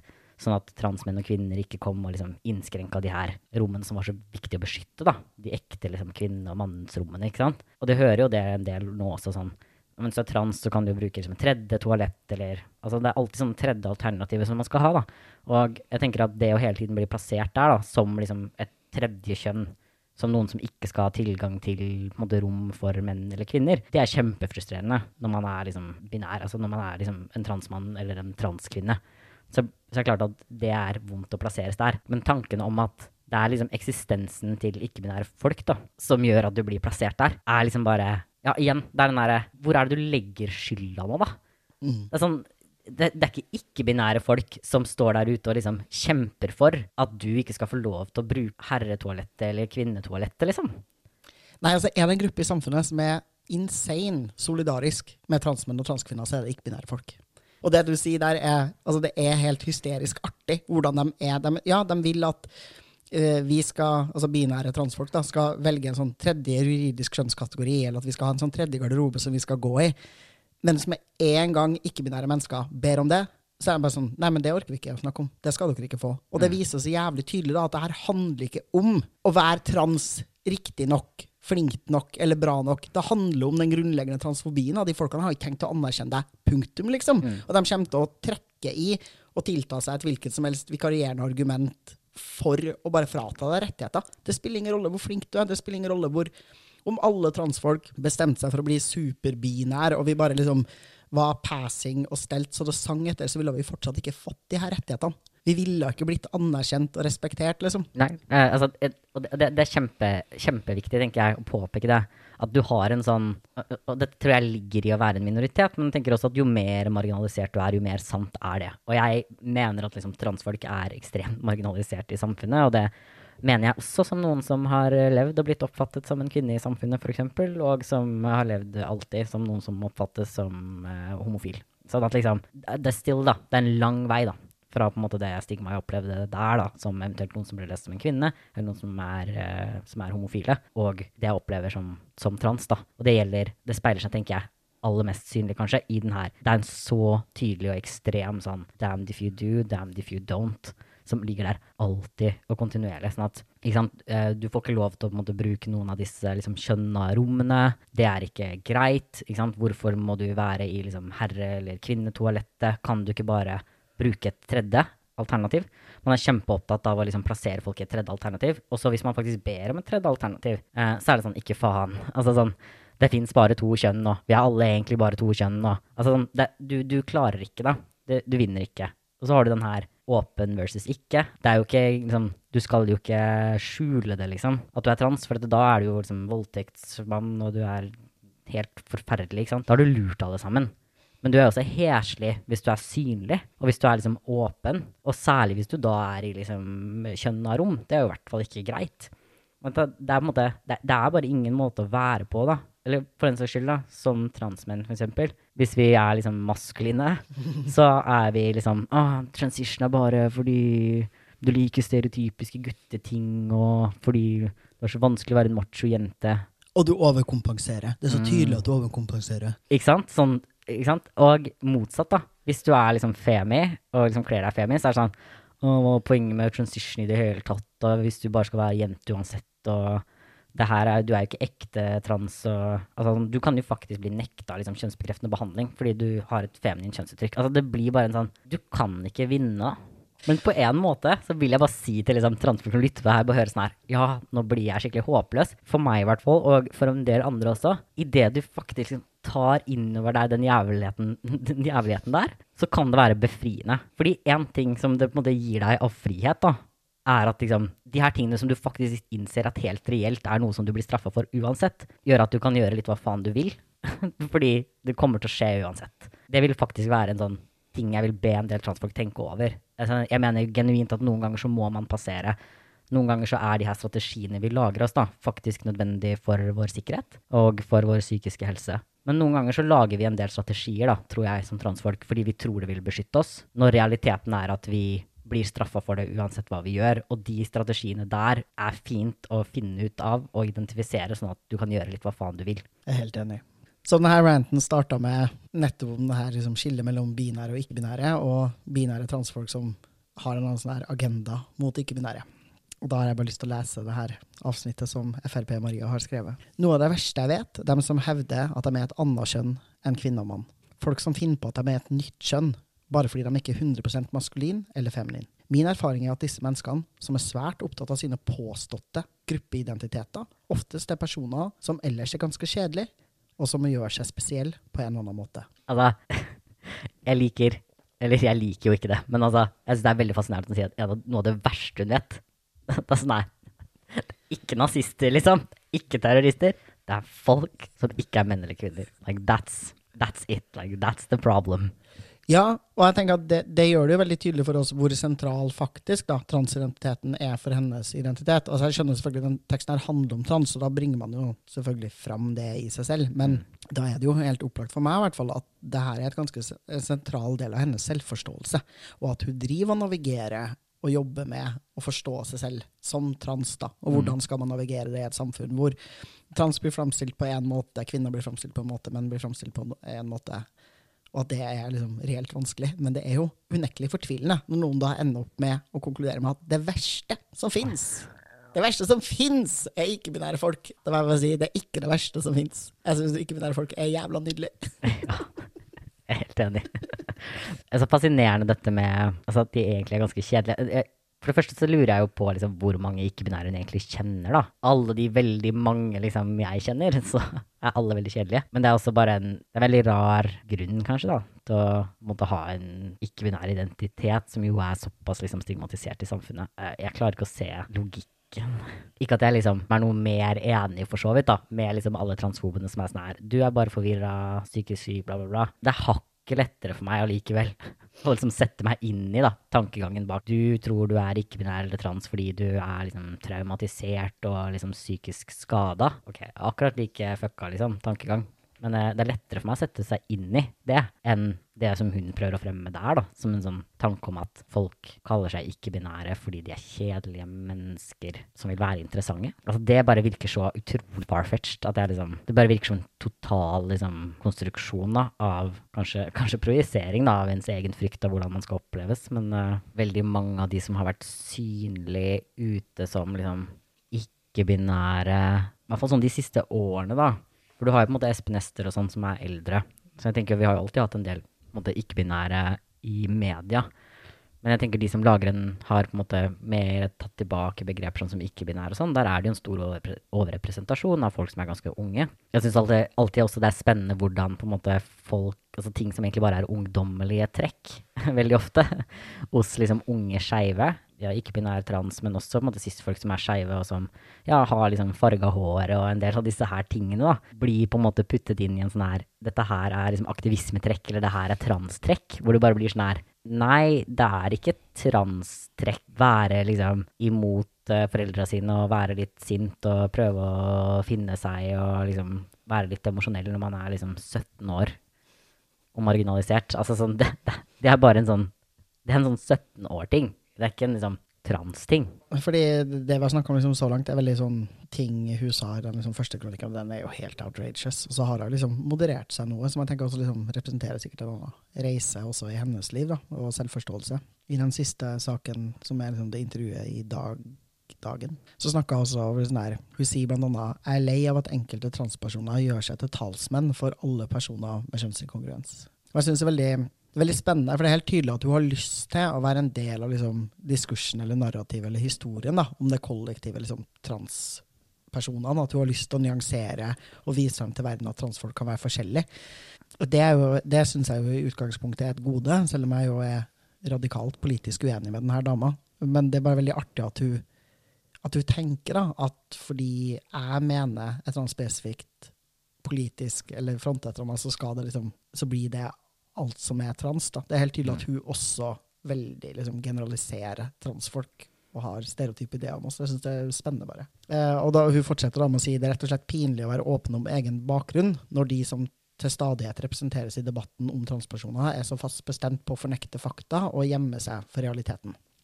Og når du sier liksom, benekte fakta og gjemme seg for realiteten, så, så henviser hun til sine egne liksom, eh, setninger som er sånn Det finnes bare kvinner og menn jeg fornekter ikke min egen biologiske realitet. Jeg er ikke hundskjønn.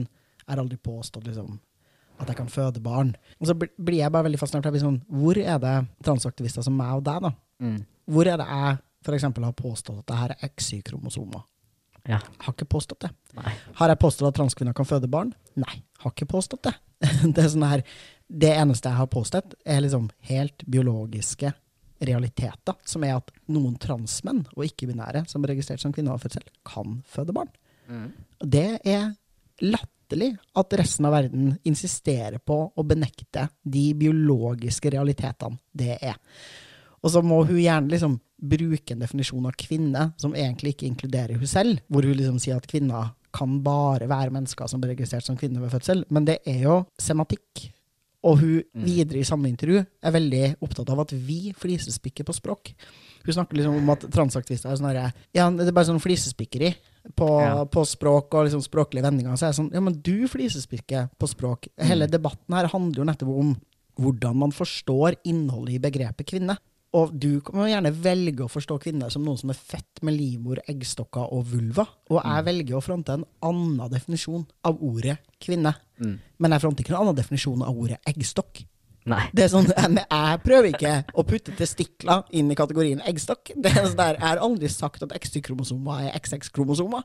De her liksom faktiske biologiske realitetene er det ingen transaktivister jeg kjenner som noensinne liksom har prøvd å benekte. Man bare går ikke med på at XX-kromosomer hos et menneske gjør at det mennesket for alltid skal måtte kalle seg kvinne i enhver sosial setting. Ja. Fordi det er absurd. Ja, det her er jo bare tull. Altså sånn, når har altså, Nå antar jo vi at det handler om oss, men jeg, jeg, må bare, jeg, må jo bare, anta at det handler om oss, da. Altså sånn, Hvis du begynner å snakke om liksom, transaktivister i Norge, så er det litt sånn det er vanskelig å ikke forstå det som et begrep som inkluderer oss, da. Men den tanken om at vi gjør oss til talsmenn for alle, f.eks., blir også en sånn fascinerende ting. Altså sånn, når har vi gjort det, da? Ever, liksom? Altså sånn, i, i den grad det blir påstått, så tenker jeg at det er liksom media som gjør det. Altså, jeg har i hvert fall aldri gått ut, og det tror jeg heller aldri du har gjort, og vært sånn her Jeg snakker for alle transpersoner. Eller jeg snakker for alle med kjønnsinkongruens. Jeg er talsmannen for de kjønnsinkongruente. Det er veldig viktig at du sier talsperson, fordi det er ikke lov å si mann i transbevegelsen. Å nei. I hvert fall ikke når man ikke engang er en mann, sånn som meg, eller talstransmannen. Jeg syns også det er spennende å lese Maria sin liksom, fortelling om hvordan hun fikk kjønnsbekreftende behandling. Hun eh, sier også at hun, altså, hun endte på Nasjonal behandlingstjeneste for transseksualisme, eller Riksen, da, og sier liksom som 16-åring begynte hun på hormonbehandling, så man bare må liksom presisere at det er voldsomt tidlig å få tilgang på kjønnsbekreftende behandling. Ja, da, da har du gått på pubertetsblokkere, nesten, nesten garantert. Ja, og eh, hun forklarer i neste setning hvordan det her kunne skje, fordi hun sa, eller hun sier, jeg var veldig feminin lenge før jeg begynte på kvinnelige hormoner, og hormonene forsterka og fremheva det. Og jeg tenker at det er veldig opplagt for meg, da, som kjenner liksom, behandlingssystemet i Norge godt, at Maria har fått tilgang til kjønnsbekreftende behandling fordi hun tilfeldigvis passer veldig godt inn i normen og den liksom, stereotype ideen man har om hvem ekte transseksuelle er. Sure. Og det er jo jævlig kult for hun at hun har fått tilgang på kjønnsbekreftende behandling. Og også tenker jeg vært heldig og hatt veldig støttende foreldre. For du får ikke hormoner når du er 16 år, eller pubertetsblokkere før den tiden, hvis ikke du har foreldre som er enig i det. Det skjer så å si aldri. Nei. Nei, det er helt sant. Så, så et voldsomt privilegium der. Og det, og det, at hun har fått tilgang på behandling såpass tidlig, har jo selvfølgelig også gjort det veldig mye lettere for hun å passere. Å passere. Sure. Ja. Og så sier hun videre i samme intervju selv om hun mener at operasjonen var riktig for hun, er hun likevel tydelig på at både hormonell behandling og kirurgi ikke må gis for enkelt. Mm. Det her syns jeg er en sånn ting som man ser relativt mye i transmiljøet i Norge, men også faktisk internasjonalt, da, er den her forståelsen av at det å bli anerkjent gjennom diagnoser satt av transfobe cis-folk, som basically er majoriteten av folk som gir kjønnsbekreftende behandling i verden, Mm. det er det kvalitetsstempelet du trenger. Det er da du er ekte, det er da din selvopplevelse blir validert. Så tenker jeg sånn, ja, kult for deg at du passa inn i deres bås. Kult for deg at du fikk tilgang på kjønnsbekreftende behandling, og at det føltes riktig for deg. Men hvorfor tenker du at det er feil for andre? Hvorfor ønsker du at tilgangen til det skal være vanskelig? Ja, det, det, det, være er jo sånn. vanvittig usolidarisk også. Ja, Altså, jeg tenker Kanskje særlig, nå vet jeg ikke helt hva akkurat hun mener da, om f.eks. pubertetsblokkere, men det er jo en ting som veldig mange på en måte stiller seg veldig kritisk til av på en måte, folk som har en tendens til å dele en syn. Da. Og en del av de har jo gått på det sjæl. Og jeg tenker at det bare syns jeg er liksom ah, Det er så mm, Den her tanken om liksom grunnen til at man sjæl klarer å liksom passere og assimilere egentlig da, i liksom cis-kulturen og på en måte få den respekten man får, da, er fordi man aldri ordentlig gikk gjennom en full pubertet da, i første omgang, som man ikke ønsket å gå gjennom. Fordi pubertetsblokker er jo It's a fucking game changer, right? Altså sånn, Det virkelig kan gjøre at liksom, man slipper alle de her operasjonene, men også slipper at liksom, kroppen endrer seg såpass mye i utgangspunktet. Og det gjør at transfolk kan passere på en helt annen måte. Når man selv har hatt den muligheten, og så ønsker å ta den fra andre. Ah, ja, jeg kjenner at jeg blir provosert. da. Jeg tenker at Det er en form for gatekeeping som bare er ekstremt brutal. da. Det er å frata noen det som gjorde på en måte ditt liv levelig, da. Er noe du skal nekte andre å få, liksom. Ja, og det er cirka her at jeg faktisk begynner å bry meg om hva Maria mener om sitt eget liv. Fordi her går hun fra å liksom ha sin selvopplevelse, sin selvoppfattelse og sitt liv, så går hun over i å si noe, ikke bare om hvordan andre folk burde oppleve det, men også hvilke rettigheter og muligheter andre folk faktisk skal ha. Og det er der jeg trekker grensa for når jeg liksom setter ned foten. Og det å faktisk ta til orde for at andre transfolk skal få vanskeliggjort sin tilgang til kjønnsbekreftende behandling, det er som du sier, usolidarisk til et punkt hvor både jeg og du blir forbanna. Og det tenker jeg vi har helt rett til. Jeg tenker også fordi akkurat her tenker jeg det er relevant da, at man selv har gjennomgått den typen behandling. Fordi det betyr at man grunnleggende sett forstår hvor livreddende da, og livsnødvendig det er. Ja, er- du måte sånn som Maria, da, så vet du hvor viktig kjønnsbekreftende behandling kan være for noen. da. Hvor viktig måte, pubertetsblokker og hormoner kan være bare for evnen til å måte, leve et liv som du selv opplever som verdt å leve. Jeg tenker at Idet du faktisk har inside knowledge da, om på en måte hvor utrolig jævlig det kan være å på en måte gå gjennom en feil pubertet eller ha en kropp som oppleves så feil da, som den jo virkelig kan gjøre hvis man er trans og har en sterk dysfori. Og allikevel liksom bare tenke at liksom, det er greit da, om andre folk liksom må leve med det kanskje resten av livet. da. Altså sånn, Det er mer provoserende enn cis-folk mener det. da. Fordi jeg tenker at veldig mange cis-folk bare aldri kommer til å forstå hvordan måtte, denne formen for dysfori kan oppleves. da. Ja, og jeg tenker at fortsettelsen på det her intervjuet i dag da, viser i hvert fall veldig tydelig for meg hvor privilegieblind da, hun er, eller hvor lite hun liksom innser at tilgang til kjønnsbekreftende behandling tidlig i livet og evnen til å passere har, har putta hun i en posisjon som er ja, helt intenst privilegert. da. Og hun skriver da hun understreker at hun er takknemlig for det LHBT-bevegelsen har gjort for å sikre seksuelle minoriteters rettigheter og trygghet i Norge. Så følger jeg opp med sitatet. Hvis transpersoner opplever diskriminering, så tenker jeg at de må kjempe imot det her. Og det er jo litt som å høre JK Rowling si at hvis transpersoner blir utsatt for diskriminering, så skal jeg gå i tog for deres rettigheter. Hvis. Ja, ja. Og så, så tror jeg jo ikke noe på heller at hun ikke har opplevd diskriminering. Eller eventuelt vold, mobbing osv. for å være trans. Altså, sånn, altså det, det, høres jo sykt deprimerende ut, liksom. Men så vidt jeg vet, så er hun vel omtrent liksom, på min alder. Og kom ut liksom litt før det jeg gjorde. Og når jeg først kom ut, liksom, så jeg, jeg, jeg tror nesten ikke jeg kjente noen, jeg, som ikke hadde blitt utsatt for liksom ganske sånn konkret fysisk vold fordi de var trans, liksom. Altså sånn av folk som på en måte kom ut og var liksom åpen trans da. Ja, jeg vil nesten si det, liksom. Altså sånn, jeg opplevde det som at det var en sånn unifying experience som nesten alle hadde, liksom. Og at mindre alvorlige ting, da, men allikevel grov diskriminering, men da ikke liksom regelrett vold, i hvert fall var noe som vi på en måte alle hadde til felles. da. Altså jeg, jeg, jeg, stoler i veldig liten grad på folk som sier at jeg kom ut for 15 år siden og har vært liksom åpen trans mens jeg var liksom relativt ung osv. Og, så videre, og aldri opplevd transfobi, aldri opplevd diskriminering liksom, at man kan tenke at ikke diskriminering finnes. Jeg, jeg, tror ikke på det, da. Rett og slett tror nesten ikke sånne folk finnes, liksom.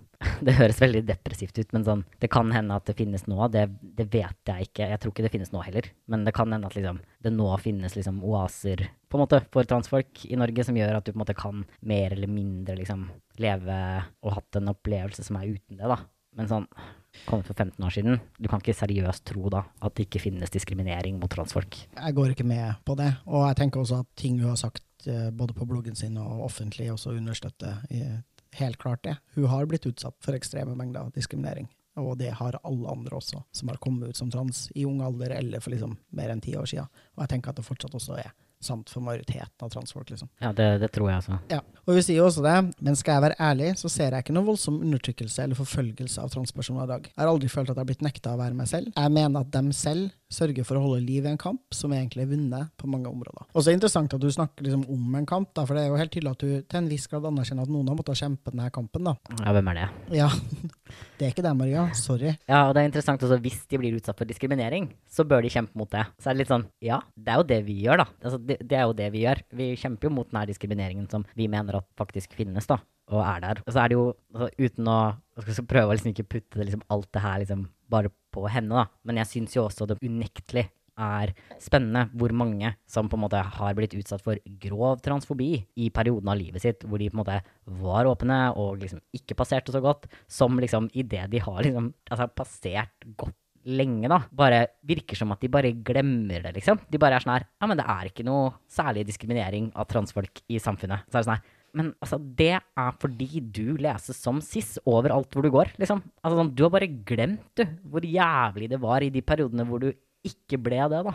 Ja, det tenker jeg er en helt legitim og veldig forståelig overlevelsesmekanisme. Da. Og jeg tenker at jeg gjør det selv. Altså, ja, ja. Sånn, du arresterte meg på det en gang for liksom lenge siden, hvor noen spurte sånn ja, har du blitt utsatt for liksom, diskriminering og stigma og sånn fordi det vært åpnet om å være trans? Og være sånn, nei, nei, jeg, jeg, har egentlig aldri fått noe dritt. Og så husker jeg du liksom kom til meg etter den panelsamtalen og var sånn Men Luka, du har fått så sjukt mye dritt liksom, fordi du har åpnet om å være trans. Og så er jeg sånn Nei. Og du bare jo, folk har liksom kalt deg en freak, kalt deg en dame, sagt at du fortjener å dø. Jeg var sånn Ja ja, men det bare, ja, ja. ja, men det er altså sånn Og det er jo en verdi for deg på et personlig nivå å bagatellisere de her tingene. Kom deg forbi dem, ikke heng deg opp på dem. Altså, det er en overlevelsesmekanisme som er helt nødvendig, da. Men vi kan ikke glemme det som gruppe. Vi kan ikke underspille det bare fordi det er mest behagelig for cis-folk å ikke bli arrestert på eller måtte forholde seg til da, at vi faktisk blir utsatt for så mye dritt. Mm. Men ja. det er en vanskelig balansegang da, for oss personlig. Liksom, for jeg kan jo heller ikke ligge i senga mi hver kveld og tenke herregud, så mange mennesker i verden som, som syns jeg fortjener å dø. Herregud, så mange folk som liksom syns at jeg, ikke bare sånn fordi jeg er trans, men jeg fordi jeg har vært mm. åpen, er skikkelig heslig, og folk får lyst til å spy når de ser meg, og som syns at jeg fortjener å dø. Helt enig. Det, det, er en helt naturlig mekanisme. Jeg tenker alle mennesker er sånn. Idet vi på en måte går videre med livene våre, så glemmer vi på en måte lidelse og smerte. Og tenker at det er et veldig positivt trekk da, som mennesker har i utgangspunktet. Det gjør at vi på en måte klarer å leve gode liv. Det at vi på en måte i stor grad kan klare å glemme de tingene. Og det er en naturlig del av det å få det bedre også, da, med seg selv. At man ikke går rundt og holder på alle de liksom traumatiske opplevelsene man har. Men samtidig så tenker jeg at det er, det er viktig, da, at vi som passerer godt og har gjort det lenge, og som ikke står i en sånn kontinuerlig prosess hvor vi f.eks. prøver å skaffe oss kjønnsbekreftende behandling osv., altså sånn faktisk ikke står i noe sånt her og nå, da, ikke glemmer at ting var annerledes når vi på en måte tydeligere ble lest som trans, eller glemmer da hvor stressende det var å stå i denne prosessen og prøve å skaffe denne kjønnsbekreftende behandlingen før vi fikk sikra en f.eks. diagnose som ga oss rett på det. da. Jeg tror at det er bare Folk sletter det fra huet sitt, liksom. Det er fint, sure, heal. Ikke heng deg opp i og liksom, tenk at liksom, verden er horribel og bare gå rundt og være liksom, traumene dine. Men du må i møte med andre transfolk som ikke har kommet like langt i den prosessen som deg sjæl, faktisk liksom tenker jeg holde litt på å være i stand til å tenke tilbake igjen på at det var røft, liksom. Og ha sympati da, for folk som står i det som du sto i. Ja, og ha forestillingsevne nok også til å liksom se for deg hvordan ville livet mitt vært da, hvis jeg ikke hadde fått tilgang til denne behandlinga. Hvis jeg Mm. bare måtte leve i den situasjonen jeg nå har lagt bak meg resten av livet mitt. da. Ja, og det er jo helt forferdelig. Ja, eh, Det unner jeg ikke min verste fiende, liksom. Og så tenker jeg jo at liksom, for eksempel du og jeg, så vil det være vanskeligere å på en måte glemme det. Og det, det gjelder på en måte både fordi vi hele tiden snakker om trans, hele tiden snakker om, og også må på en måte connecte tilbake til våre egne historier, for det er en naturlig del av å jobbe med sin egen gruppe, er jo at man hele tiden liksom bærer med seg sin egen historie. Og fordi vi har mye kontakt med folk som står i de her vanskelige prosessene hele tiden, i kraft av å drive med liksom likemannsarbeid, og selvfølgelig også får mye PS, da, fordi vi er åpne i media. Likepersonsarbeid. Ja, sorry. Beklager. Likepersonsarbeid. men ja, men også fordi man får mye liksom, transfobi av å stå fram i media. Kanskje særlig da, hvis du sjæl er liksom trans, og du på en måte ikke driver med veldig sånn aktiv aktivisme, verken med liksom likepersonsarbeid eller med på en måte ting i media hvor du på en måte får mye backslash og derfor på en måte blir påminnet da. Bare please, liksom, ikke fall i den her fella av å tenke sånn her at verden har på en måte blitt helt fiksa, da. Bare fordi at du blir behandla bedre fordi du leses som cis, på en måte. Du har også forandra deg, ikke bare samfunnet, liksom. Det kan godt hende ting er enklere nå, men det er ikke gitt at det er så mye enklere, liksom. Det kan hende at det handler om hvordan du er også. Ja, det tenker jeg vi skal være veldig bevisst på som bevegelse. Selvfølgelig de av oss som har mest ressurser, og overskudd og kapasitet å liksom holde på med aktivisme på fullt, det er jo de av oss som ikke akkurat nå lever i liksom intens transfobi, intens Mm. forsøk på å få tilgang på kjønnsbekreftende behandling, og som liksom ikke kan leve frie liv. da. Det er klart at hvis du må bruke alle dine ressurser på å prøve å overleve, så har du ikke masse overskudd til å drive med organisasjonsarbeid eller aktivisme. I hvert fall ikke på en sånn fast basis. Altså, sånn, sånn er det i nesten alle bevegelser. Jobben en del liksom, sexarbeideraktivisme også, og du ser jo det der også. Jo mer du er i krise, jo mindre sannsynlig er det at du klarer å bruke liksom, fritida di på det. Da må du på en måte bare prøve å overleve først og fremst. da. Og sånn er det, liksom. Det vil gjøre at man får et sånt seleksjonsutvalg, selvfølgelig. Ja, man gjør det. Altså, de, de mest uttalte aktivistene på tvert felt er ofte ganske privilegerte folk akkurat nå, da. Mm. Som selvfølgelig kan ha veldig mye erfaring med å ikke være privilegert, men som i hvert fall nå innehar noen privilegier. For ellers så blir Mm. det rett og slett for mye da, å skulle leve livet sitt i tillegg til å være aktivist eller jobbe for, Ja, i hvert fall sånn over tid, liksom. Mm. Altså, folk kan selvfølgelig drive liksom, med aktivisme, den veldig sånn synlige formen. Altså, det, det krever selvfølgelig at man ja, har muligheten da, til å bare bruke fritida si eksempel, på å lage podkast, liksom. Istedenfor bare prøve å ha hodet over vannet hele tiden. Altså, en siste ting også, Mm. som er sånn, som jeg også tenker at er relevant, er Og det har ikke noe med hun Maria å gjøre, men jeg har definitivt opplevd også fra en del folk at liksom det at de selv nesten, kanskje nesten det motsatte, men det at de selv da har gjennomgått helt jævlige ting, gjør at noen får et sånt utgangspunkt hvor de på en måte nesten mener at alle må gjennomgå det. Og det ser jeg særlig med liksom mener jeg i hvert fall da, var veldig tydelig i liksom steriliseringsdebatten. Det var at liksom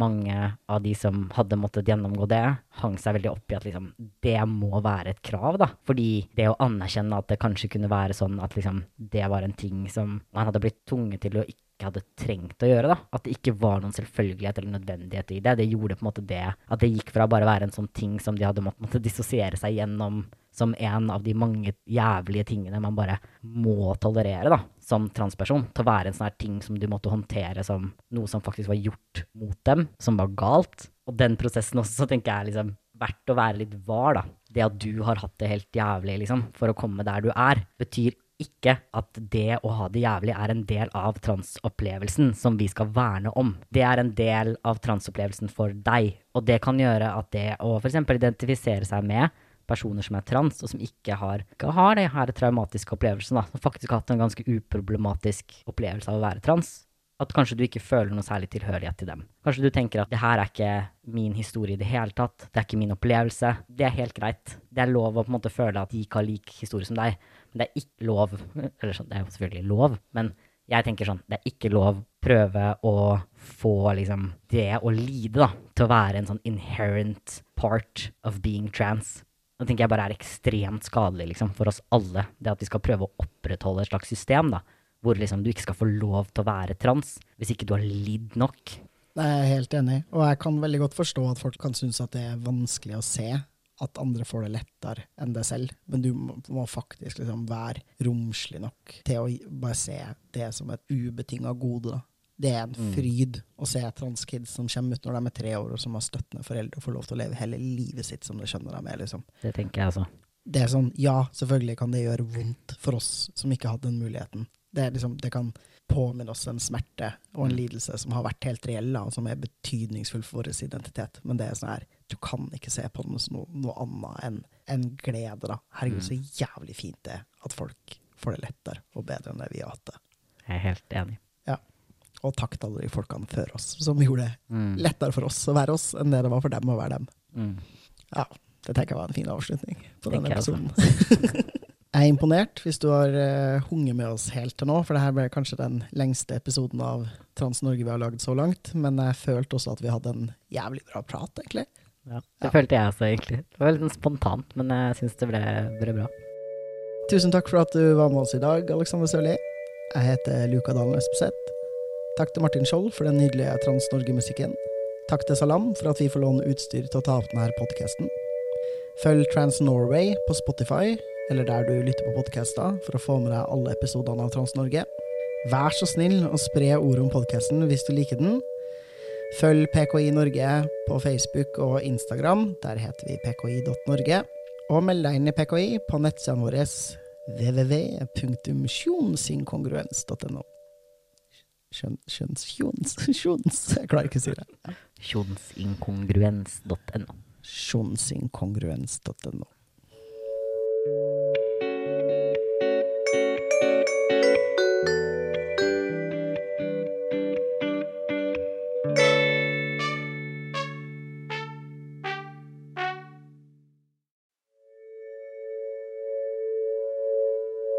Hei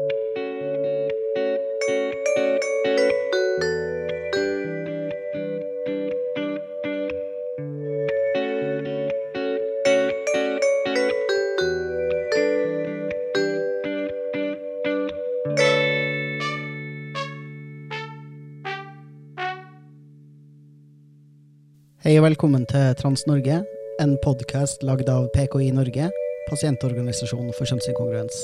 Jeg heter Luka Dalen Espeseth. Dagens tema er transpersoner som tilsynelatende er imot andre transpersoner. Hvorfor er det noen transfolk som syns det skal bli vanskeligere å få tilgang til kjønnsbekreftende behandling? Hvordan kan det ha seg at noen binære transfolk er imot ikke-binære transfolk? Og hvorfor er noen transfolk så opptatt av å ta avstand til andre transfolk? Dette er noen av spørsmålene du får svar på i dagens episode av Trans Norge. I dag har jeg med meg leder av PKI Norge, Alexander Sørli. Hei, hei. Ah, jeg har gleda meg til denne episoden, fordi jeg eh, For det første så gleder jeg meg til alle episodene vi skal lage på podden, men jeg er helt sjukt fascinert av fenomenet folk som tilhører en annen marginalisert gruppe, og som tilsynelatende er imot den gruppa de tilhører. Ja, det er jo unektelig litt spennende. Det gjør jo noe med den måte, klassiske dynamikken, i hvert fall, da. Når man ofte snakker om liksom, diskriminering og stigma og den typen ting. Det er jo fort gjort å tenke at alle mennesker som liksom opplever marginalisering, ender opp med liksom lignende forståelse av den marginaliseringsprosessen, og kanskje ikke nødvendigvis blir enig i alle liksom saker, men har på en eller annen måte den samme analysen, eller ender opp på samme sted. da. Men sånn er det jo ikke. Og det har jeg tenkt litt på. Det her, altså det er ikke bare jeg som har tenkt på det her. Det er ikke sånn at det her liksom, å, nå har jeg plukka liksom de her sykt smarte ideene eh, ut av ingenting. Men jeg tenker at det å oppleve marginalisering, da, som vil si liksom alle prosesser som gjør at du blir plassert i samfunnet som uønska, som syk, som kriminell, som mindreverdig og mindre ekte, eller bare en mindre naturlig del av enhver kontekst du er i, eller enhver gruppe du ønsker å være en del av, eller oppleve at du er en del av, relativt vanlige responser på marginalisering er at det skjer et eller annet inni deg da, som menneske. Når du får beskjed om, implisitt eller eksplisitt, at du er mindre verdt og mindre verdig enn andre folk. Og den responsen som jeg alltid har hatt, da, som jeg ser at mange folk i det såkalte transmiljøet også har, og også i andre marginaliserte grupper, er jo at man utvikler en sterk følelse av identitet som den man er, eller den gruppa man tilhører, og at man også bygger stolthet og en følelse av liksom tilhørighet sammen med andre mennesker med lignende erfaring og lignende utgangspunkt. Og at det også fører til en sånn her motstand eller en analyse av makt, en forståelse av liksom urettferdigheten i det her, og et ønske om å endre samfunnet, eller i hvert fall en forståelse av at det er samfunnet sine strukturer som gjør at jeg opplever denne marginaliseringa. Det er ikke meg som er problemet her. Man blir liksom kritisk til normene, kritisk til makt. Mm. Jeg tenker man kommer dit i hvert fall, da. Veldig mange. De aller fleste har vel et sånt utgangspunkt, kanskje, hvor man først prøver å undertrykke, tenker jeg, følelsene sine. Og så er det jo idet man på en måte begynner å skjønne og forstå da, at samfunnet er urettferdig, at man ofte kanskje velger å komme ut. Jeg vil nesten tro at man må på en måte komme litt over, i hvert fall, den her tanken om at det er på en måte iboende forferdelig da, å være trans, før man er på en måte villig til å tenke at jo, jeg har faktisk lov til å ta plass da, i samfunnet som trans. Jeg trenger ikke å late som at jeg er cis. Det tror jeg du har rett i. Mange har noen sånne prosesser som går inni seg selv, da, hvor man kan føle en Det er kanskje spesifikt for liksom, transfolk som gruppe, da, altså fordi man ikke blir gjenkjent som tilhørende den gruppa i utgangspunktet. Hvis man f.eks. er rasifisert, så vil man jo ofte, med mindre man eh, lever i et samfunn uten hvite folk, oppleve rasisme og diskriminering relativt tidlig i livet, og man vil få beskjed om fra omgivelsene sine at man tilhører denne gruppa, mens transfolk vil jo ikke like tidlig oppdage at man tilhører en marginalisert gruppe, fordi man ikke engang har ord for å beskrive hvem man er eller identiteten sin. Ja, det vil nok ofte se ut som andre ting. Kanskje i mindre grad nå, da, hvor man i større grad måte, snakker om transpersoner. Sånn at det er en ting som man kan bli identifisert som. Jeg tenker Når vi var små, for eksempel, da, så var vel ikke det noe som folk hadde nesten noen tanke om at fantes engang, tror jeg man forsto den undertrykkingen eller den mobbingen som liksom homofobi eller negative holdninger til folk som bryter med kjønnsnormer. Jeg tror du har helt rett. da. Jeg tror at idet man på en måte har forstått det, at det er en sånn urettferdighet, så kommer det for mange et slags sinne også. Og at det er det som på en måte gjør at man nettopp ser de her strukturene, da. Og at man må på en måte klare å se dem for å finne litt ro med seg selv, på en måte. At man må klare å se da, at det, det er ikke seg selv det er noe galt med. Man har ikke fortjent all den driten man har fått, liksom. Den har blitt påført deg, og den burde aldri ha blitt påført deg. Det er kanskje litt av en sånn sorgprosess, da. Men hvor lander man på slutten av det? Jeg tror veldig mange av oss lander jo der, som du sier nå, at vi har en identitet rundt det, vi finner community, og finner en tanke om samfunnet hvor vi ser på en måte hva som er galt med det. Men så har det jo noen som jeg tenker at kanskje ikke lander der, da. Og som blir på en måte stuck et eller annet sted i denne prosessen. Og det er jo de menneskene for så vidt vi egentlig skal ha hovedfokus på i dag, og som er liksom det spennende. For det jeg tenker at er en annen naturlig respons på marginalisering, da, som kanskje du også riktig påpeker at er en del av kanskje historien eller utviklinga i enhver person, da, når man liksom oppdager at man er trans, f.eks., er jo å tenke at eller oppleve en slags motstand mot seg selv, eller det man kan liksom kalle internalisert transfobi. At man får en veldig sterk idé om at jeg er en freak, jeg er heslig, jeg er ekkel, jeg burde skamme meg over den jeg er, jeg burde skjule hvem jeg er. I hvert fall ikke se noe verdi i å være trans, og i hvert fall ikke se noe liksom vakkert i det å ha en kropp som er synlig eller tydelig trans, og er veldig sånn her pålegge seg selv. Eh, enten å ikke leve åpent som du skjønner man er i det hele tatt, eller å pålegge seg selv ekstremt strenge liksom, regler for hvordan man skal være kvinne eller mann. da. Mm. Så tenker jeg at det er kanskje mindre angår ikke-binære. Bare fordi jeg tenker at det i seg selv er en tydelig motstand mot et binært cis-kjønna kjønnssystem. da. Ja, jeg tenker kanskje prosessen fram mot det å komme ut kanskje kan ligne, da, allikevel. Altså dette med å ha det selvhatet i begynnelsen. Altså det er meg det er noe galt med, jeg er grunnleggende ødelagt og alt dette her. Men måte, hvilke grep man kan ta etterpå, vil nok skille seg en del. Fordi Det snakket vi om litt om i denne sexepisoden også. Men binære transfolk, i hvert fall de som passerer etter transition, har jo også en mulighet til å måte, assimilere inn i samfunnet på en litt sånn annen måte. Det er veldig sant. På samme tid så tenker jeg jo altså Nå er jo ingen av oss ikke-binære, så det her kan vi jo egentlig ikke vite. Eh, men jeg tenker også at det kan være enda vanskeligere, i hvert fall historisk sett, da, å finne ord og begreper og identiteter og en forståelse av seg selv, når man faktisk ikke liksom opplever å være kvinne eller mann. Jeg tenker at kanskje veien til selverkjennelse er kortere da, for en del binære folk. fordi man liksom, Hvis du har en ekstremt tydelig opplevelse av å være gutt, da, selv om verden har tildelt deg jente som kjønn ved fødsel, så er det liksom Det fins et ord for det. Du har sett det her konseptet. Du har en faktisk klar idé om hva gutt og mann er, som finnes der ute i samfunnet fra før. Mm. Mens alle ikke-binære identiteter er liksom There's just a lack of representation and language. Mm. Ja, i hvert fall i Norge, da. Så tenker jeg det er definitivt sant. Fordi du trenger på en måte ikke ordet trans, eller identiteten trans, egentlig. Hvis du er binær. Du kan ha en identitet som bare mann eller kvinne, eller gutt eller jente.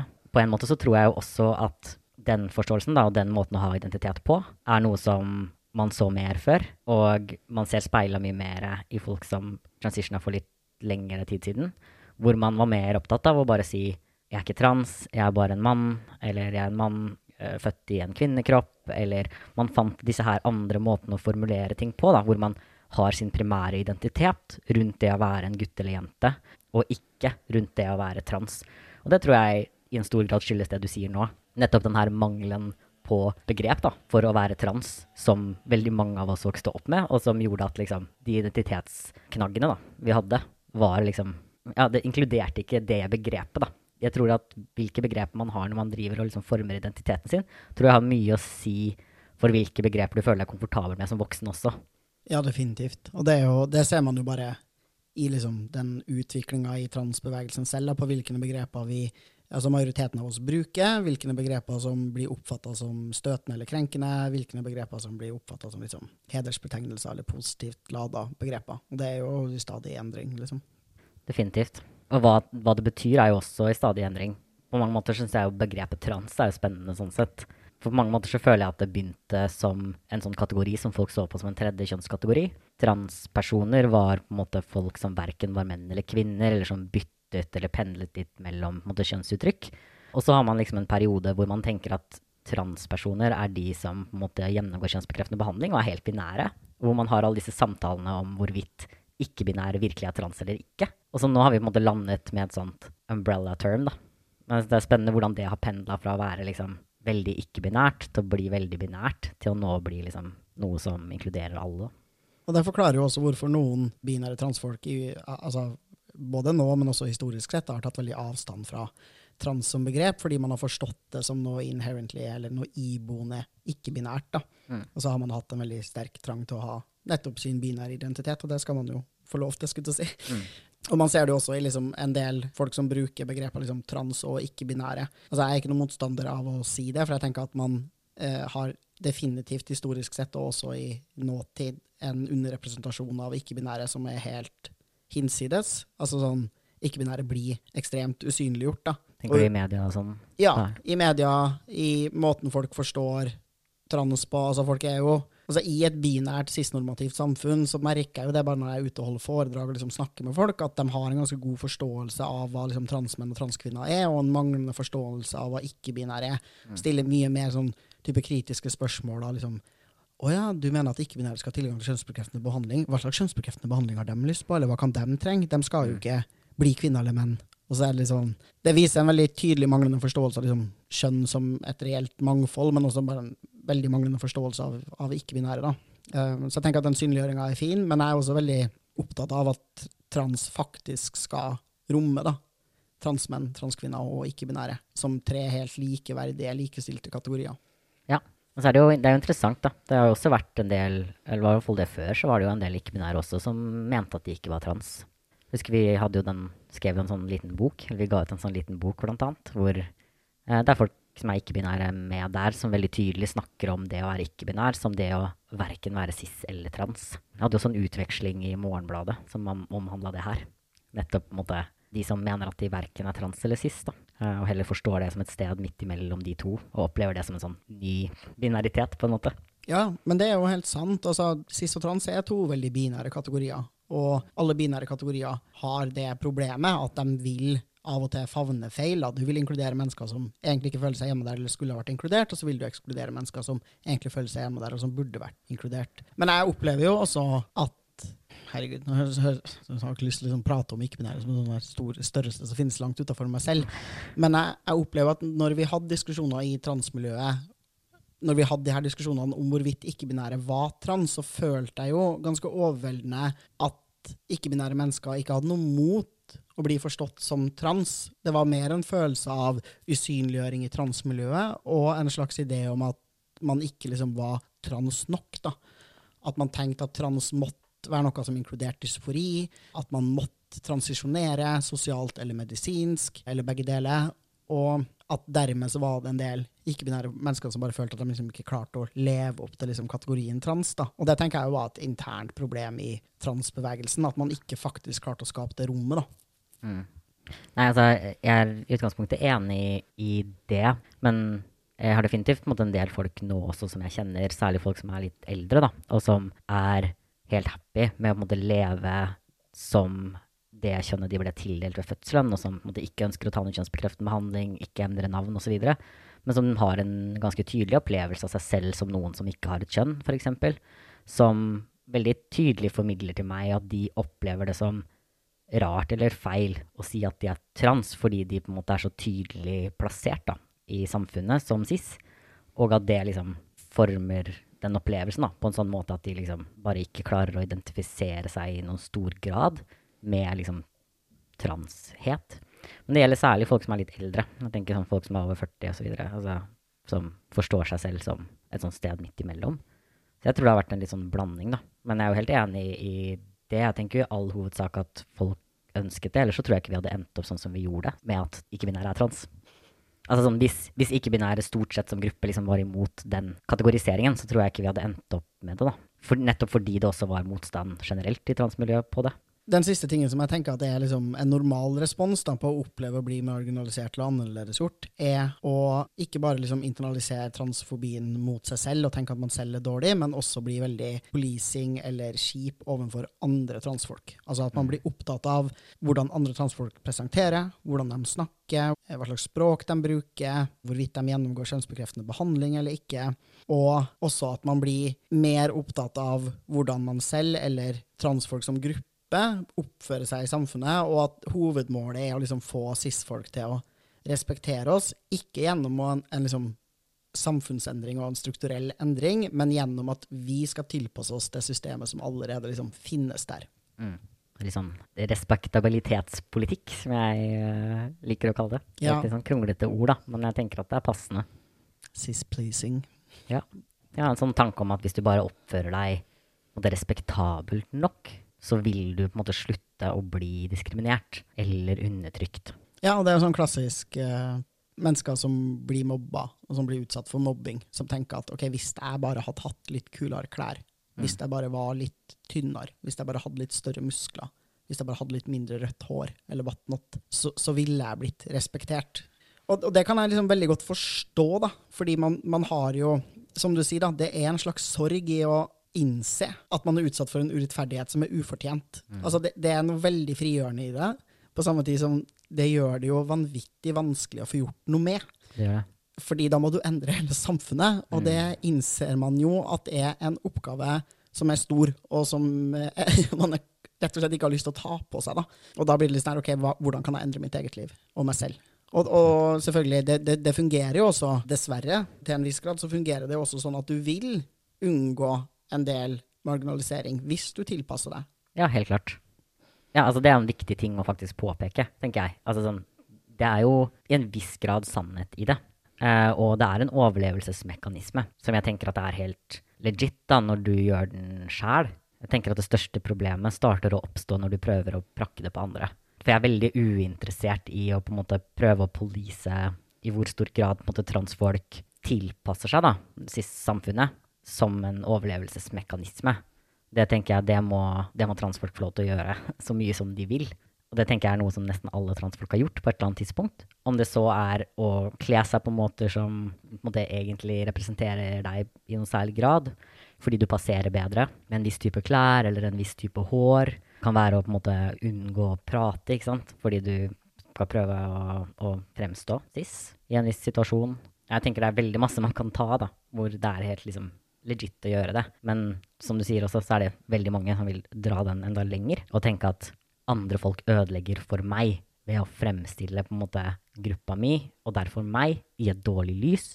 Og så er det jo litt sånn spennende at jeg tenker de som ofte gjør det, er ofte dårlige på å anerkjenne eller se at det at du i det hele tatt må være bekymra for hvordan du blir stempla eller sett på, da, fordi noen andre som har en eller annen karakteristikk da, som du også har, oppfører seg på en gitt måte, det, altså det, det er undertrykking. Altså sånn, det er transfobi. Hadde du vært cis, så hadde ingen noensinne tenkt at liksom Åh, jeg møtte en skikkelig rasshøl, liksom, som var cis, så nå tenker jeg at du er et rasshøl fordi du er cis. Det opplever du ikke hvis du er cis, da. Det er en ting du opplever fordi du er trans, fordi vi er få, og en veldig liten og veldig stigmatisert minoritet, som gjør at liksom bare én annen transperson som gjør et eller annet heslig, er jo nok til at vi helt reelt kan bli behandla dårligere. Ja, definitivt. Bare sånn, se for deg hvit, heteroseksuell cis-mann si noe dumt på TV. Det finnes ikke en eneste hvit heteroseksuell cis-mann i Norge som ser på den TV-kanalen og liksom krymper seg i stolen, tar puta foran ansiktet og er sånn 'Å nei, tenk at han sa det'. Nå kommer alle til å tenke at jeg er sykt ræva. Nei, ikke sant? Og det her er også liksom grunnen til Når folk liksom snakker om sånne idiotiske begreper som liksom, ja, omvendt rasisme, eller eh, eh, snakke om liksom Å, du er liksom mannehatende, eller eh, liksom si at jeg er cisfob, eller liksom negativt innstilt til cis-folk, så blir jeg sånn her Det er faktisk liksom fysisk umulig for meg å generalisere cis-folk på Ja. den måten som cis-folk klarer å generalisere over transfolk. liksom. Og det handler ikke bare om liksom, hvor mange de er, men det handler om liksom, den makta de har, og, og hvordan de alltid er framstilt som akkurat det mangfoldet de er. Da. De er aldri bærere av de her majoritetskategoriene sine. Samme hvor mye vi kaller dem cis, så, så blir på en måte ikke cis-folk cis på samme måte som transfolk blir trans. Nei, aldri. Det, det går ikke. Ja, som du sier, det handler om makt, men tenker også faktisk at størrelse på gruppa her er liksom superrelevant. Fordi som transperson så har du Du har cis-kjønna familiemedlemmer, du går på en skole som primært, eller kanskje bare, har cis-kjønna elever rundt deg. Du har cis-kjønna venner, du har cis-kjønna kjærester ofte. Du har cis-kjønna autoritetspersoner i livet ditt, lærere. Ofte så vil måte, veldig mange av dine aller, aller verste opplevelser være med cis-folk, men veldig mange av dine aller, aller beste opplevelser vil også være det. Altså, sånn, sånn er det da, å være en bitte liten minoritetsgruppe, og det gjør at liksom, det er umulig for meg inni mitt hode å ha liksom et sånt stereotypt uh, bilde da, av hva liksom cis-folk er, fordi jeg hele tiden må forholde meg til cis-personer som hele mennesker. da. Og det er jo en flott ting å gjøre. Ja, Jeg skulle bare ønske at det var gjensidig. det er liksom enig? Målet er ikke å få stereotype, stigmatiserende ideer om hvem cis-folk er. Målet er at man skal slutte å ha stereotype og stigmatiserende ideer om hvem transfolk er som gruppe. Ja. Man kan fort ende opp et sted da, hvor man frykter majoriteten sin makt, uten å liksom sette spørsmålstegn ved hvordan majoriteten fikk makta si, og hvorfor de i hele tatt skal liksom fortsette å ha den. Det gjennomsyrer debattene så voldsomt. da. Eksempel har jeg noen ganger i den her eh, legendariske garderobedebatten bare stilt sånn spørsmålet Men hvorfor er det cis-kvinner som skal få lov til å definere hvor, Hvorfor har de en selvsagt rett til å si hvem kvinnegarderoben er for? Hvorfor lar vi dem i det hele tatt få lov til å si hvem de mener at burde være med og ikke med i en kvinnegarderobe? Og da blir folk helt sånn her Men du kan jo ikke mene at ikke cis-kvinner skal ha et selvsagt ord med i laget på det. Og så er det sånn Det er vel like naturlig at transkvinner får lov til å bestemme hvem kvinnegarderoben er for. Hvis du faktisk anerkjente at cis-damer og transdamer er likeverdige, da. Men det gjør man jo ikke, så det Korrekt. That's the problem. Mhm.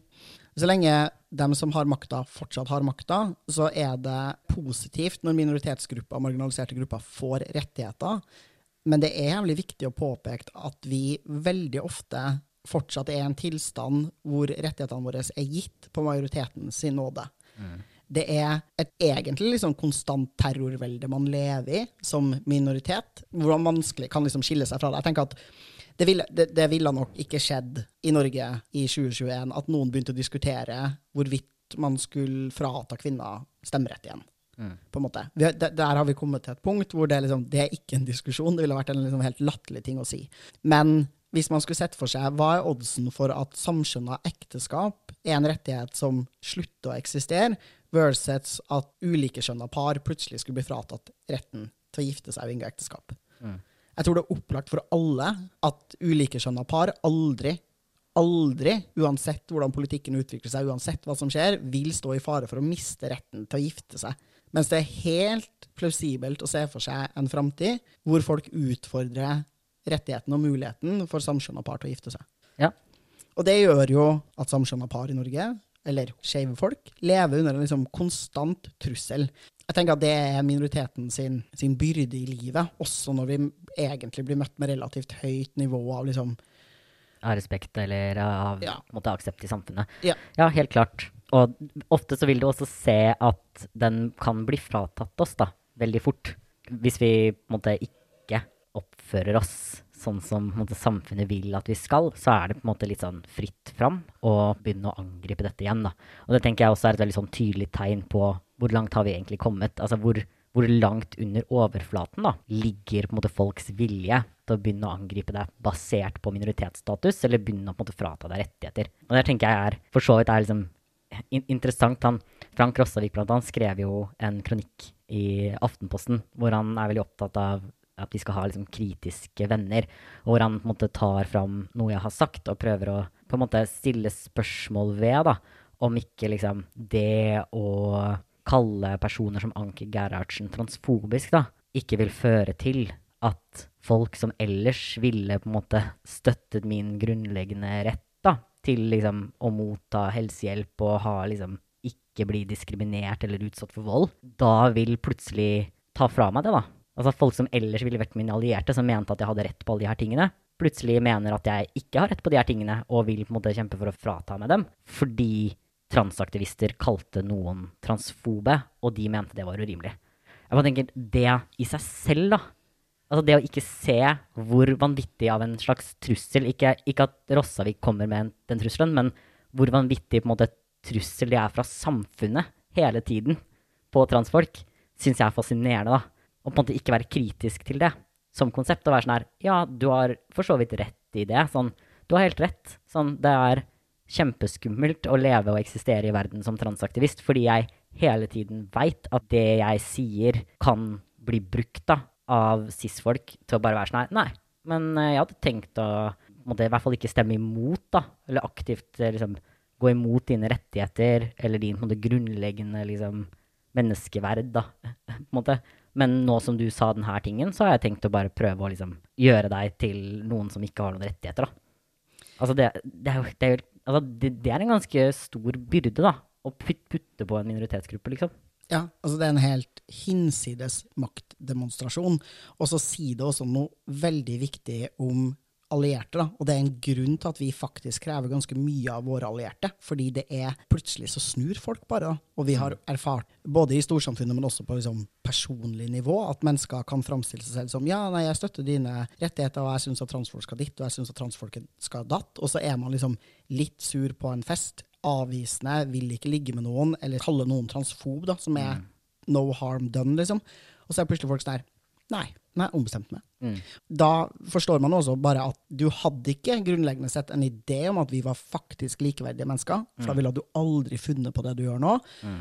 Og ja, at du bare ikke ser hva slags makt du sitter med når du har, tror at du har en selvsagt rett til Mm. å bare ombestemme deg. Og bestemme deg for at nei, jeg liker ikke transfolk lenger. Jeg møtte en kjip transfyr, liksom. Jeg orker ikke mer. Jeg, jeg elsker for så vidt at du faktisk tok opp liksom ikke vil ligge med der, fordi det er faktisk en erfaring som jeg har hatt ganske mye. Altså sånn, det at jeg har vært liksom avvisende til ofte liksom ekstremt upassende måter å gå fram, da. Til å være med meg seksuelt på en eller annen måte, liksom. Og ikke på en måte bare møter det med en slags sånn umiddelbar nesten takknemlighet, da. For at f.eks. noen som ser seg selv som en homofil mann, og derfor bare er tiltrukket av menn, da gidder å være tiltrukket av noen som meg. At det er en sånn slags Ja, men da aksepterer jeg jo identiteten din ved å ville pule deg, liksom. Og at en på en litt streng avvisning kan føre til sånn her Det her er grunnen til at alle tenker at dere er eh, skikkelig ekstreme, eller whichever, da. Altså sånn virkelig. Altså sånn Måtene som folk som ikke egentlig er, da, men kaller seg selv allierte, kan oppføre seg, er liksom ofte på måter som hvor de helt, på helt sånn materielle måter da, prøver å få ting fra transfolk, og prøver å straffe oss hvis vi ikke gir det. Altså det er en, det er en skikkelig heslig dynamikk da, som kan oppstå. Og jeg tenker at du har helt rett. Altså, sånn, det er en grunn til at vi er skikkelig strenge med allierte. Det er fordi folk som faktisk ikke er allierte, og som bare kommer inn og guilt-tripper hele tiden, eller holder over hodet på oss, da, vår menneskelighet, egentlig, og sier at 'jeg slutter å behandle deg som et menneske', slutter å bruke riktig pronomen for deg, jeg vil begynne å jobbe imot deg og dine rettigheter, da, hvis du ikke gjør som jeg sier. Altså, det er ikke folk som det er liksom greit da, å ha rundt en veldig marginalisert gruppe, liksom. Nei, det er bare helt Å, ja. Jeg kjenner jeg blir sinna. Det koker. Ja. Koker inni. Det var en liten sånn sideting, da, men det er, det er viktig, liksom. Allierte må faktisk kunne liksom stå i også urimelige anklager innimellom, og fremdeles mene at transfolk er mennesker som fortjener grunnleggende rettigheter i samfunnet. Ja, du får lov til å bli sint, du får lov til å bli lei deg, du får lov til å ha alle liksom, følelsene i hele verden, men hvis du kjenner Nå tenker jeg om transfolk som gruppe. At de er dårlige, mindre verdt. Jeg vil frata dem rettigheter. Jeg har lyst til å snakke om noen nedverdigende på gruppenivå, eller jeg har lyst til å liksom feilskjønne deg fordi det vet jeg at det gjør vondt for transfolk. Da er du bare dritt, da. Da stakk det her to centimeter dypt. Ja. Det må stikke dypere, liksom. Jeg er helt enig. Og så selvfølgelig en liten eh, liksom, shout-out til liksom, Det er masse bra cis-folk som, som klarer det, da. Og derfor kjøper jeg jo ikke helt liksom, Rossavik sin greie heller. Nettopp fordi jeg faktisk er liksom omringet av cis-folk som bare er skikkelig bra, da. Og som jeg har vært skikkelig rasshøl mot, og som på en måte har sett meg og andre transfolk på vårt verste, og også på vårt beste, og fremdeles er sånn her Vår menneskelighet og vårt kjønn og sånn, det er liksom aldri noe som engang er på bordet, da. Som noe å begynne å liksom ta av, på en måte tenker at de folka fins, da, og er mye flere av enn det vi på en måte mange prøver å fremstille det som, da, når de liksom legger fram en sånn i gåsetegn trussel om at transaktivister må oppføre seg bedre, ellers så Ja, jeg har også mye mer tillit til cis-folk som gruppe, liksom. Det kryr av cis-folk som skjønner at du kan ikke bare snu på flisa og bli kjip mot transfolk fordi én transperson eller én transorganisasjon sa eller gjorde noe du var misfornøyd med eller ikke likte, liksom. Ja, og det handler jo om også bare se transfolk som individer, da, og Mm. ikke bare på gruppenivå. For med en gang du klarer det, så skjønner du jo at selvfølgelig finnes det transfolk som er rasshøl, liksom. Det finnes masse transfolk som er skikkelig rasshøl.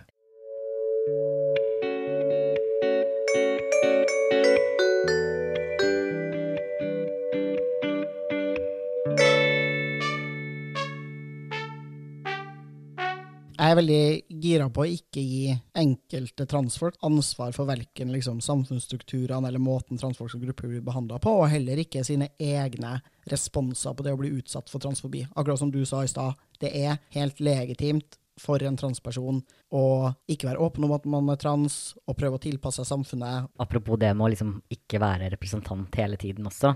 Jeg tenker at eh, jeg syns det er spennende, da, når du har en del av disse som er trans, og som går ut i media eller type og kritiserer andre transfolk, da. Ofte fremstiller det også som om transbevegelsen, tror jeg, er på en måte mer bekymra for dem enn det som egentlig er tilfellet. Fordi for dem så er det jo sånn at alle vi, hver gang vi uttaler oss og sier et eller annet dumt, liksom, som de mener er teit, så tenker de at å herregud, det her er på en måte en, et angrep på meg. Dette er liksom skadelig for meg, fordi alle transfolk representerer meg på en eller annen måte, sånn uavhengig av om de sier at de faktisk gjør det, da. Mens jeg tenker at vi gjør jo egentlig ikke det. Sånn, jeg er jo i utgangspunktet ikke så veldig bekymra for liksom, trans-Frp-ere liksom, som går ut i media. Det er ikke noe jeg faktisk liksom, har noen særlig sterk bekymring rundt i det hele tatt. Fordi det er så åpenbart for meg at denne individuelle transpersonen i Frp på ingen måte er liksom en talsperson for meg. Uavhengig av hva de sier i media, så blir det en sånn OK.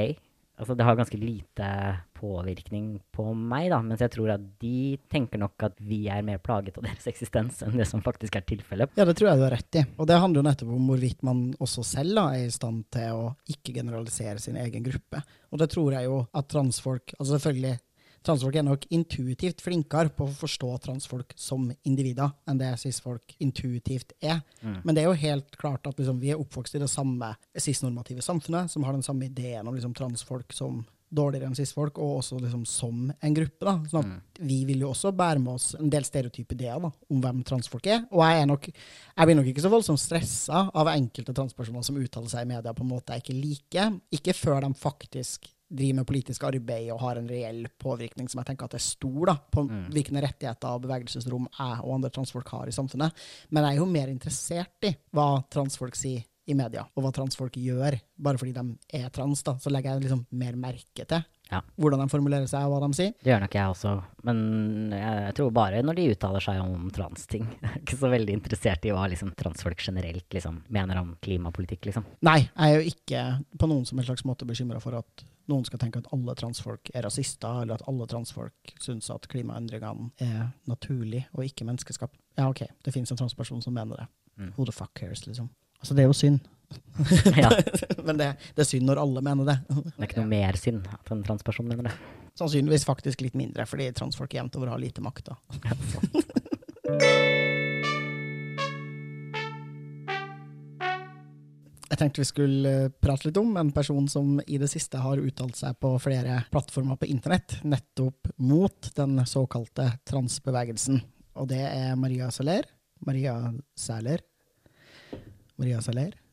Maria Saler. Vi kaller Frp-Maria. Ja, hun er Frp-politiker, leder av Grünerløkka Frp.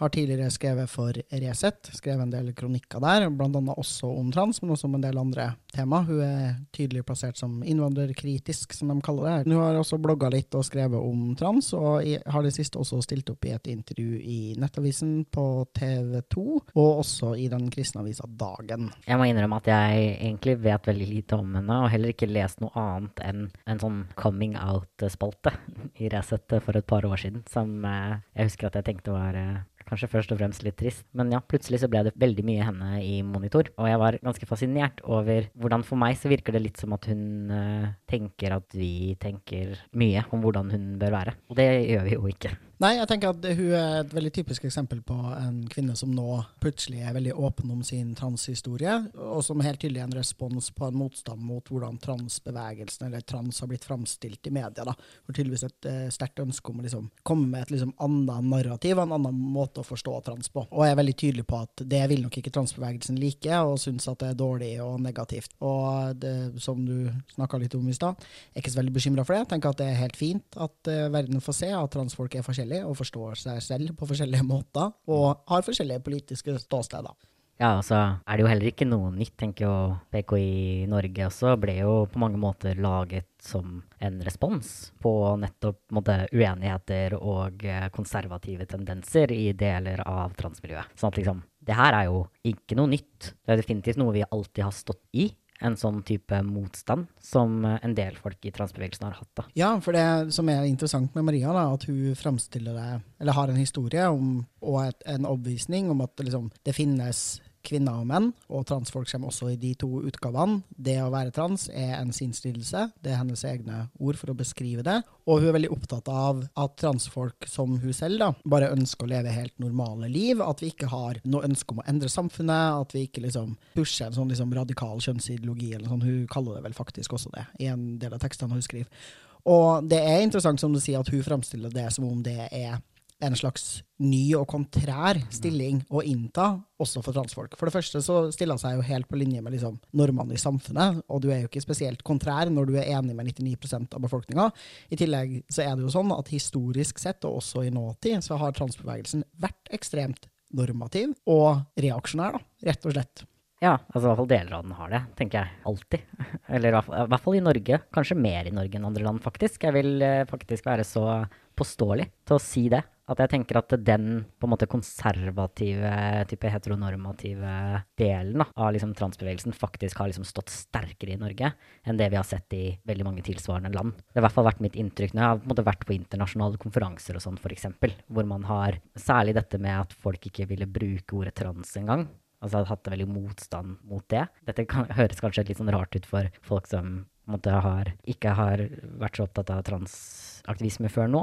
Men når du og jeg holdt på rundt liksom 2011 og sånn, så ble vi jo meldt inn til liksom pressens faglige utvalg og sånn, for å bruke trans, eller for å snakke med liksom journalister som da snakket om måtte, transpersoner som gruppe, f.eks. når det gjaldt tvangssterilisering fordi folk ble krenka over at vi brukte begrepet trans. da. Og det skjedde liksom nesten hver gang.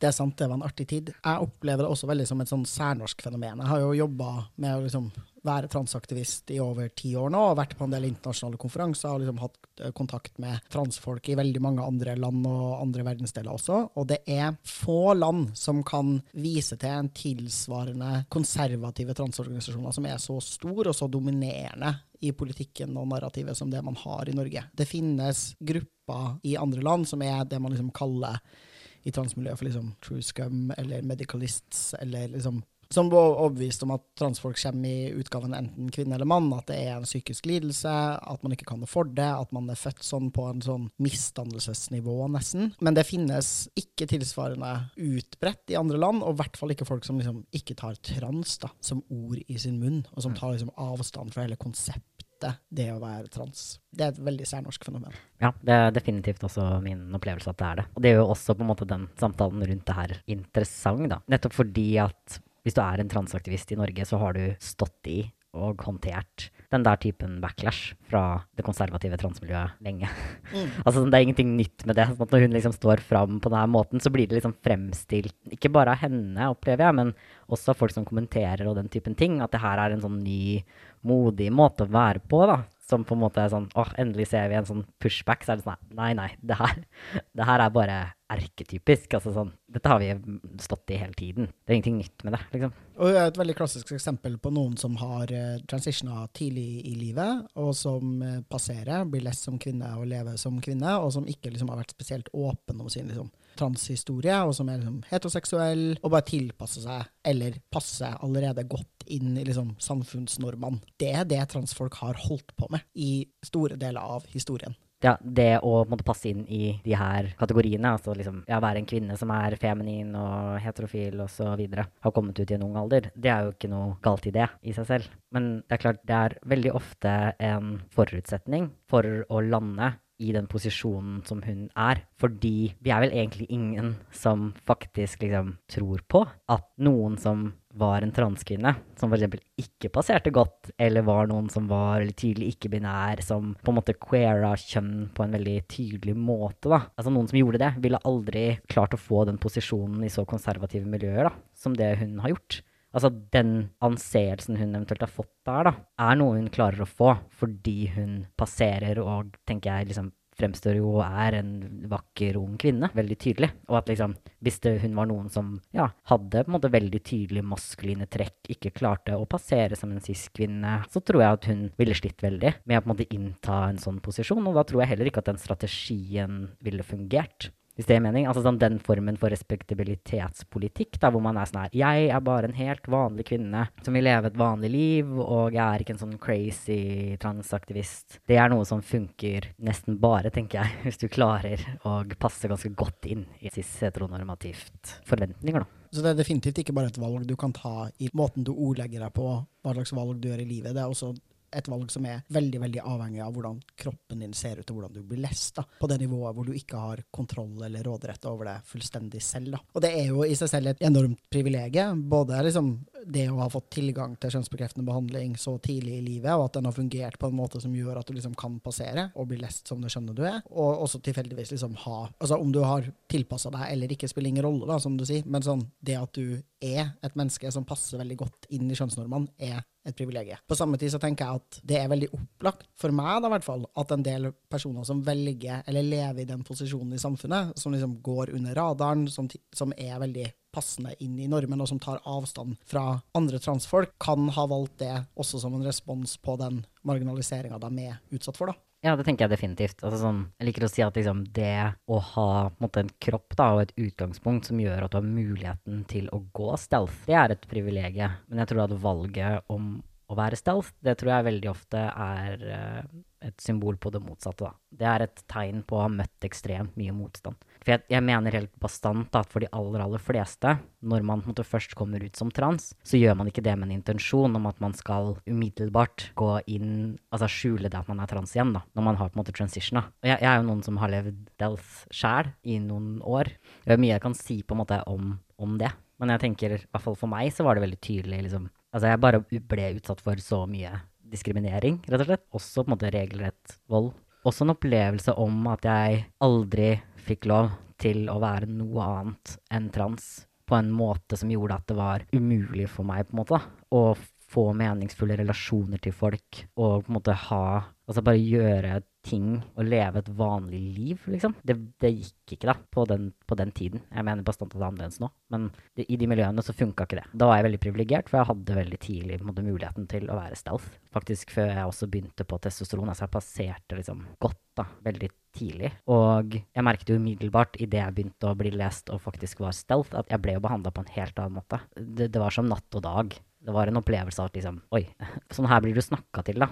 Hvis du på en måte er et menneske som får lov til å bare være et helt menneske, liksom. Og ikke bare den her ene tingen. Men det å være stealth er også slitsomt og skummelt, på en måte. Jeg vet ikke om eh, hvis folk som lytter av, hadde hørt på den her, eller sett den her dokumentaren Disclosure. Jeg må innrømme det, altså jeg begynte å gråte litt når det er en eh, eldre på en måte, svart transkvinne der som jeg på en måte utgangspunktet skulle tenkt at jeg kanskje ikke hadde så mye til felles med. da. Men hun snakker en del om denne opplevelsen av å være stealth, og hvordan hun på en måte våknet hver dag og var redd for at noen skulle finne det ut. da. Og at hun opplevde det som liksom, noe hun måtte gjøre da, allikevel, men at det var kjipt. Og den opplevelsen hadde jeg veldig, og det tror jeg også er en veldig vanlig opplevelse det er den her frykten da, som du går med hele tiden. Hva om de folka som jeg begynner å bli nærmere og nærmere og nærmere i livet mitt, og som er sist, da, finner det ut, og så lander jeg i den her situasjonen som jeg har vært i før, hvor det var farlig for meg, liksom.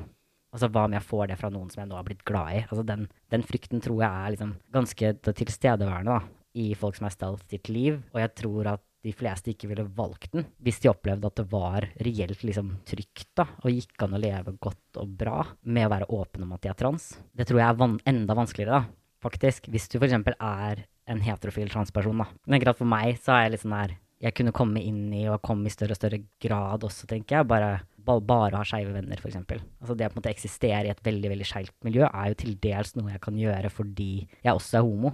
Sånn jeg kan på en måte ha et helt trans- eller skeivt miljø. Men jeg tenker at for en del liksom, heterofile folk, f.eks., så blir det å liksom assimilere inn i cis-verdenen og på en måte være helt stealth, da, blir på en måte den eneste løsningen, den eneste måten de klarer å være på, liksom. Å bare eksistere og ha vanlige relasjoner i en heterofil verden. Mm. Ja, det tror jeg du har helt rett i. Og det er jo, som du sier, en, en posisjon som er helt legitim å velge, og som har veldig mange opp opplagte fordeler, men som også har ekstremt mange opplagte negative sider ved seg. Da. Så tror jeg at når du kommer ut av det igjen Det var min opplevelse, var at jeg liksom følte at jeg hadde blitt liksom konservativ av å være stealth, på en måte. At liksom fordi jeg hadde brukt så mye tid på å liksom skjule den her transheten i meg sjæl, at det gjorde litt sånn vondt å se den i andre òg. Altså, sånn, det ble nesten en sånn skummelt, liksom. Fordi hvis folk kunne liksom se det på dem, hvis jeg kunne se det på dem, kunne folk se det på meg. Du, du får en sånn triggerreaksjon, eller jeg fikk i hvert fall en sånn, sånn triggerreaksjon, på en måte, mm. på andre transfolk som var veldig tydelige og synlige og stolt åpne da, om å være trans. Og den transitioning-perioden ut, når du på en måte begynner å komme ut Jeg kan forstå den frykten da, og det behovet for å liksom ta avstand. Men jeg tror det er usunt. Da gir du etter til et eller annet da, som du ikke burde gjøre, liksom. Men uh, jeg, jeg tror at det ikke er tilfeldig at veldig ofte så kan vi se den typen veldig konservativ, egentlig transfobisk respons da, fra transfolk ofte kommer fra en del folk som passerer godt, har vært stealth, og så velger sånn å stå fram igjen. Og være sånn, nei, nå skal jeg liksom fortelle alle, nå skal jeg være åpen om denne tingen. Så kommer det mye sånn avstand, liksom. Ja, derfor har jeg lyst til Jeg syns det her avsnittet som eh, Maria har skrevet, avslutter veldig godt på liksom det du sier nå. Hun sier, eller har skrevet da, følgende. Transseksualisme eller kjønnsdysfori er en sinnslidelse. Det er ingen tvil om det. Jeg har en sinnslidelse. Det betyr imidlertid ikke at jeg ikke kan leve et fullverdig liv, at ikke jeg kan ta ansvar, at ikke jeg kan være mer enn bare denne sinnslidelsen. Jeg akter ikke å la den begrense meg. Det er derfor jeg ikke snakker om det. Det er derfor jeg skulle ønske at jeg ikke blir tvunget til å adressere det. Det er veldig mye å gripe tak i der, men det jeg syns er spesielt spennende, er det her at hun føler seg tvunget til å adressere det. Det er helt tydelig at hun har levd stelt, da, og egentlig liksom vært fornøyd med det, men at hun nå føler at hun er nødt til å komme ut og si at hun er trans, fordi hun lever i et sånn konstant terrorvelde hvor hun går rundt og liksom både er redd for at folk skal oppdage at hun er trans, sannsynligvis, men også bare føler voldsomt på at andre transfolk representerer hun. Mm. På tross av at hun jo helt tydelig har tatt voldsomt avstand til, og ikke egentlig identifiserer seg med denne gruppa. Og det syns jeg er bare sånn interessant mm.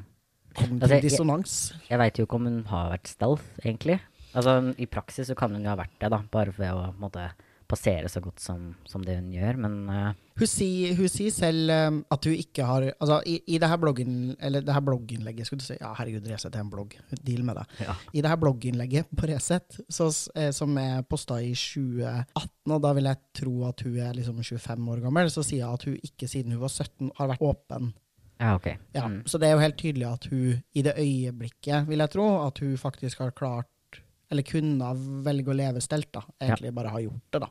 Mm. Ja, altså, det er, jo, det er, jo, spennende, fordi jeg tenker at alt, hvis hun bare droppa det her med 'jeg har jo en sinnslidelse', så tenker jeg at det her hadde vært liksom en veldig fin coming out, egentlig. Det du skrev der. Altså det at jeg vil ikke la det begrense meg, osv. Men det er jo, som du sier, også veldig tydelig at det har det, da. Altså det å si at liksom 'nå må jeg komme ut', ja, det er jo nettopp den der følelsen, tenker jeg, av at liksom Shit, tenk om noen finner det ut. Og det tenker jeg jo, uten at jeg skal mene noe om hva akkurat denne personen, eller liksom hva hun har opplevd, det vet jeg ikke. Men jeg tenker jo at den følelsen der må jo være liksom sjukt mye mer intens også, da. Hvis du er så i de miljøene som er på Resett og på liksom ytre høyre. Altså sånn, tenker det å assimilere inn i det miljøet og altså å være stealth der. oh.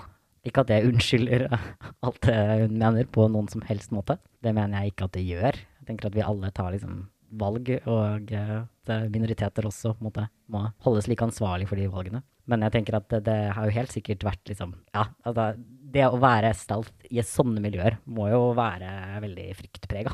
Liksom. Ja, det tenker jeg definitivt at det er, og jeg syns jo at det er tydelig å lese liksom hennes liksom, problem da, med å skulle forholde seg til de her valgene. Skal jeg være åpen om at jeg er trans eller ikke? Skal jeg eh, passe inn i det her kjønnsnormene, eller skal jeg ikke? Og hun skriver også videre i samme blogginnlegg at hun syns at det å sitte og snakke om hermetegn min identitet og kjønn er noe jeg forbinder med en helt annen type aktivister enn meg selv og mine likesinnede. Så det er helt tydelig at jeg liksom skulle snakke åpent om å være trans, er noe hun ikke forbinder med seg selv, men mer sånne folk som meg og deg, da, sannsynligvis, vil jeg tro. Ja. Uh, hun finner det karikert og narsissistisk, som jeg syns er spennende, etter at hun også har kalt meg sinnslidende to setninger før. uh, men så sier jeg noe som jeg syns er spennende. Da sier jeg dessuten er jeg redd for å bli plassert i en boks. Jeg vil ikke ha en plass i offentligheten av bakgrunnen min. Jeg vil for det meste snakke om helt andre ting ting, bortsett fra når jeg kritiserer LHBT, da, så klart. Og det er jo sånn her Den frykten da, for å bli plassert i en boks er nettopp den du beskriver. Altså det, Den erfaringa med at når du åpner om å være trans, så blir du ikke forstått som et helt menneske. Du mm. blir bare den her tingen. Det er så insane legitimt, liksom. Det er så forståelig å erfare verden på denne måten. Ja. Det er bare så synd at hun plasserer ansvaret for det på meg og deg. Ja. Og liksom andre åpne transfolk som jobber for transfolk sine rettigheter, i stedet for å plassere det der hvor det hører hjemme, da, som er i et cis-normativt drittsamfunn lagd primært av cis-folk, liksom, som ikke bryr seg om forskjellen på meg og Maria. Mm. Enten så anerkjenner du og respekterer transfolk, eller så gjør du det ikke. på en måte. Ja, altså absolutt. Og jeg tenker jo Vi har jo heller aldri påstått ikke sant, å, å representere henne. Og vi anerkjenner jo den forskjellen. Altså For all del. Vi vil jo heller ikke puttes i boks med henne, liksom.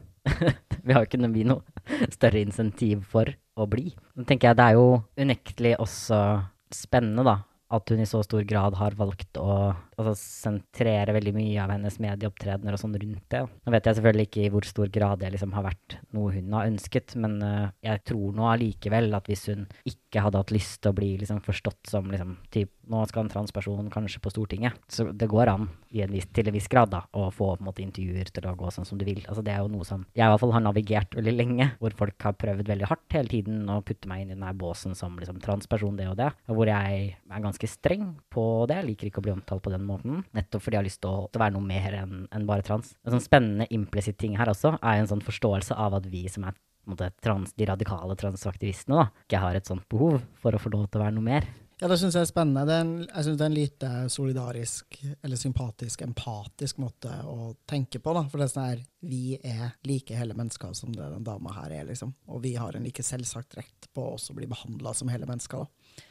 Ja, og til å mene, da. Altså til å faktisk være liksom trans og forvalte vår egen historie og identitet som transfolk på den måten som føles greit og riktig for oss, da.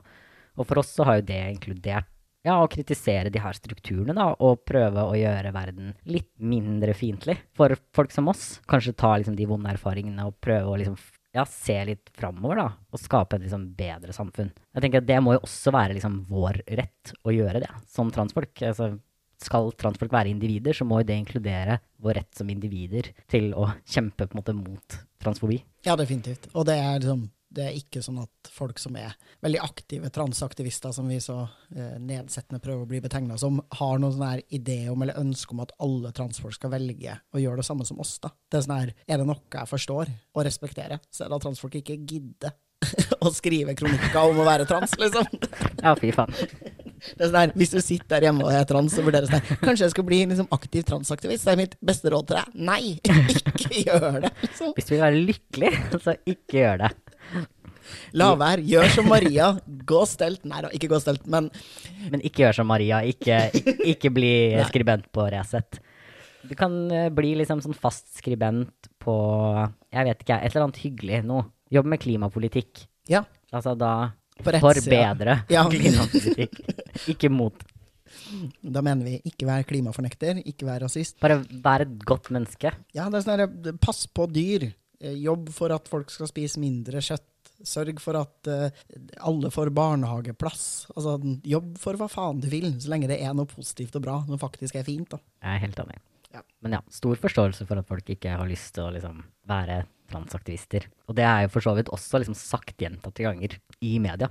Du kan jo innimellom få det til å virke som om alle transfolk har en eller annen plikt, f.eks., til å følge med på denne debatten og alle sider av den, hvor du bare er sånn her jeg får lyst til å bare påpeke sånn, vet du hva? De fleste transfolk er ikke transaktivister, liksom. Det er sånn, Vi som er aktivister, vi ser alle sider av den debatten. Vi hører den hele tiden. Det må vi. De fleste transfolk har ikke en sånn her plikt til å liksom sette seg inn i hva Anki Gerhardsen mener. Ja, det tenker jeg. Det er en av mine liksom, hovedkritikker mot folk sin kritikk av den såkalte transbevegelsen, er det her kravet om at alle som er trans, skal ha en sånn mastergrad i kjønnsteori og kunne gjøre rede for alle måtene både liksom rent kroppslig, biologisk, medisinsk og sosialt da, kjønn kan eksistere og fungere på. For jeg blir sånn her, du forstår at vi er trans, helt uavhengig av hva vi både mener og kan da, om kjønn i verden, liksom. Jeg blir helt vilt provosert. Jeg, sånn jeg, jeg kan kanskje respektere at du er trans, hvis du kan svare meg på eh, tror du folk er født sånn eller blitt sånn.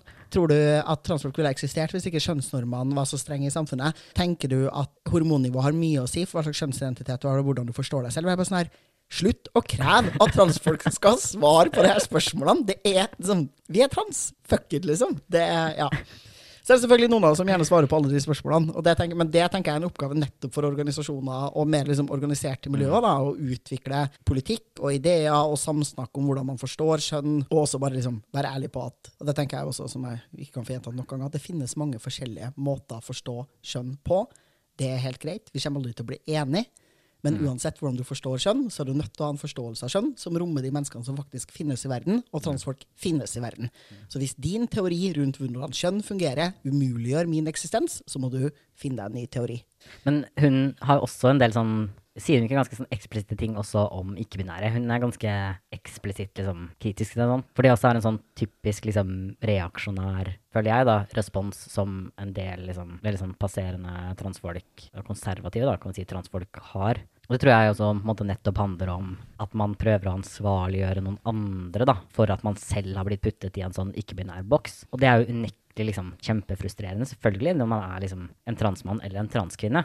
Så er det liksom ekstremt provoserende å hele tiden få beskjed om sånn Ja, men du er jo et tredje kjønn, ikke sant. Hvorfor må dere kunne bytte juridisk kjønn så lett, da? Kan dere ikke bare få et tredje et? Fordi det er spennende, for nå vil de jo absolutt ikke ha noe tredje kjønn. Men når vi kjempet for å slippe ned kastreringen, så var jo folk, var mange som mente at det var en veldig god løsning at vi bare skapte et tredje ett.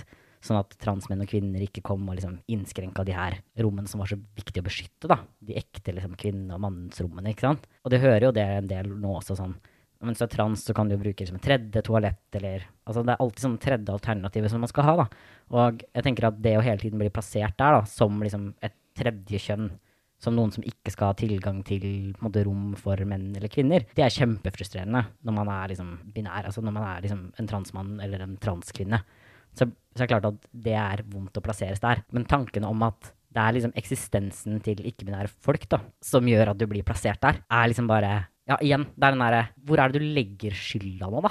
Mm. Det er sånn det, det er ikke ikke-binære folk som står der ute og liksom kjemper for at du ikke skal få lov til å bruke herretoalettet eller kvinnetoalettet, liksom.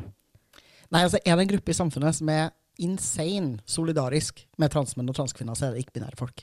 Og det du sier der, er altså det er helt hysterisk artig hvordan de er. De, ja, de vil at uh, vi skal, altså binære transfolk da, skal velge en sånn tredje juridisk kjønnskategori, eller at vi skal ha en sånn tredje garderobe som vi skal gå i.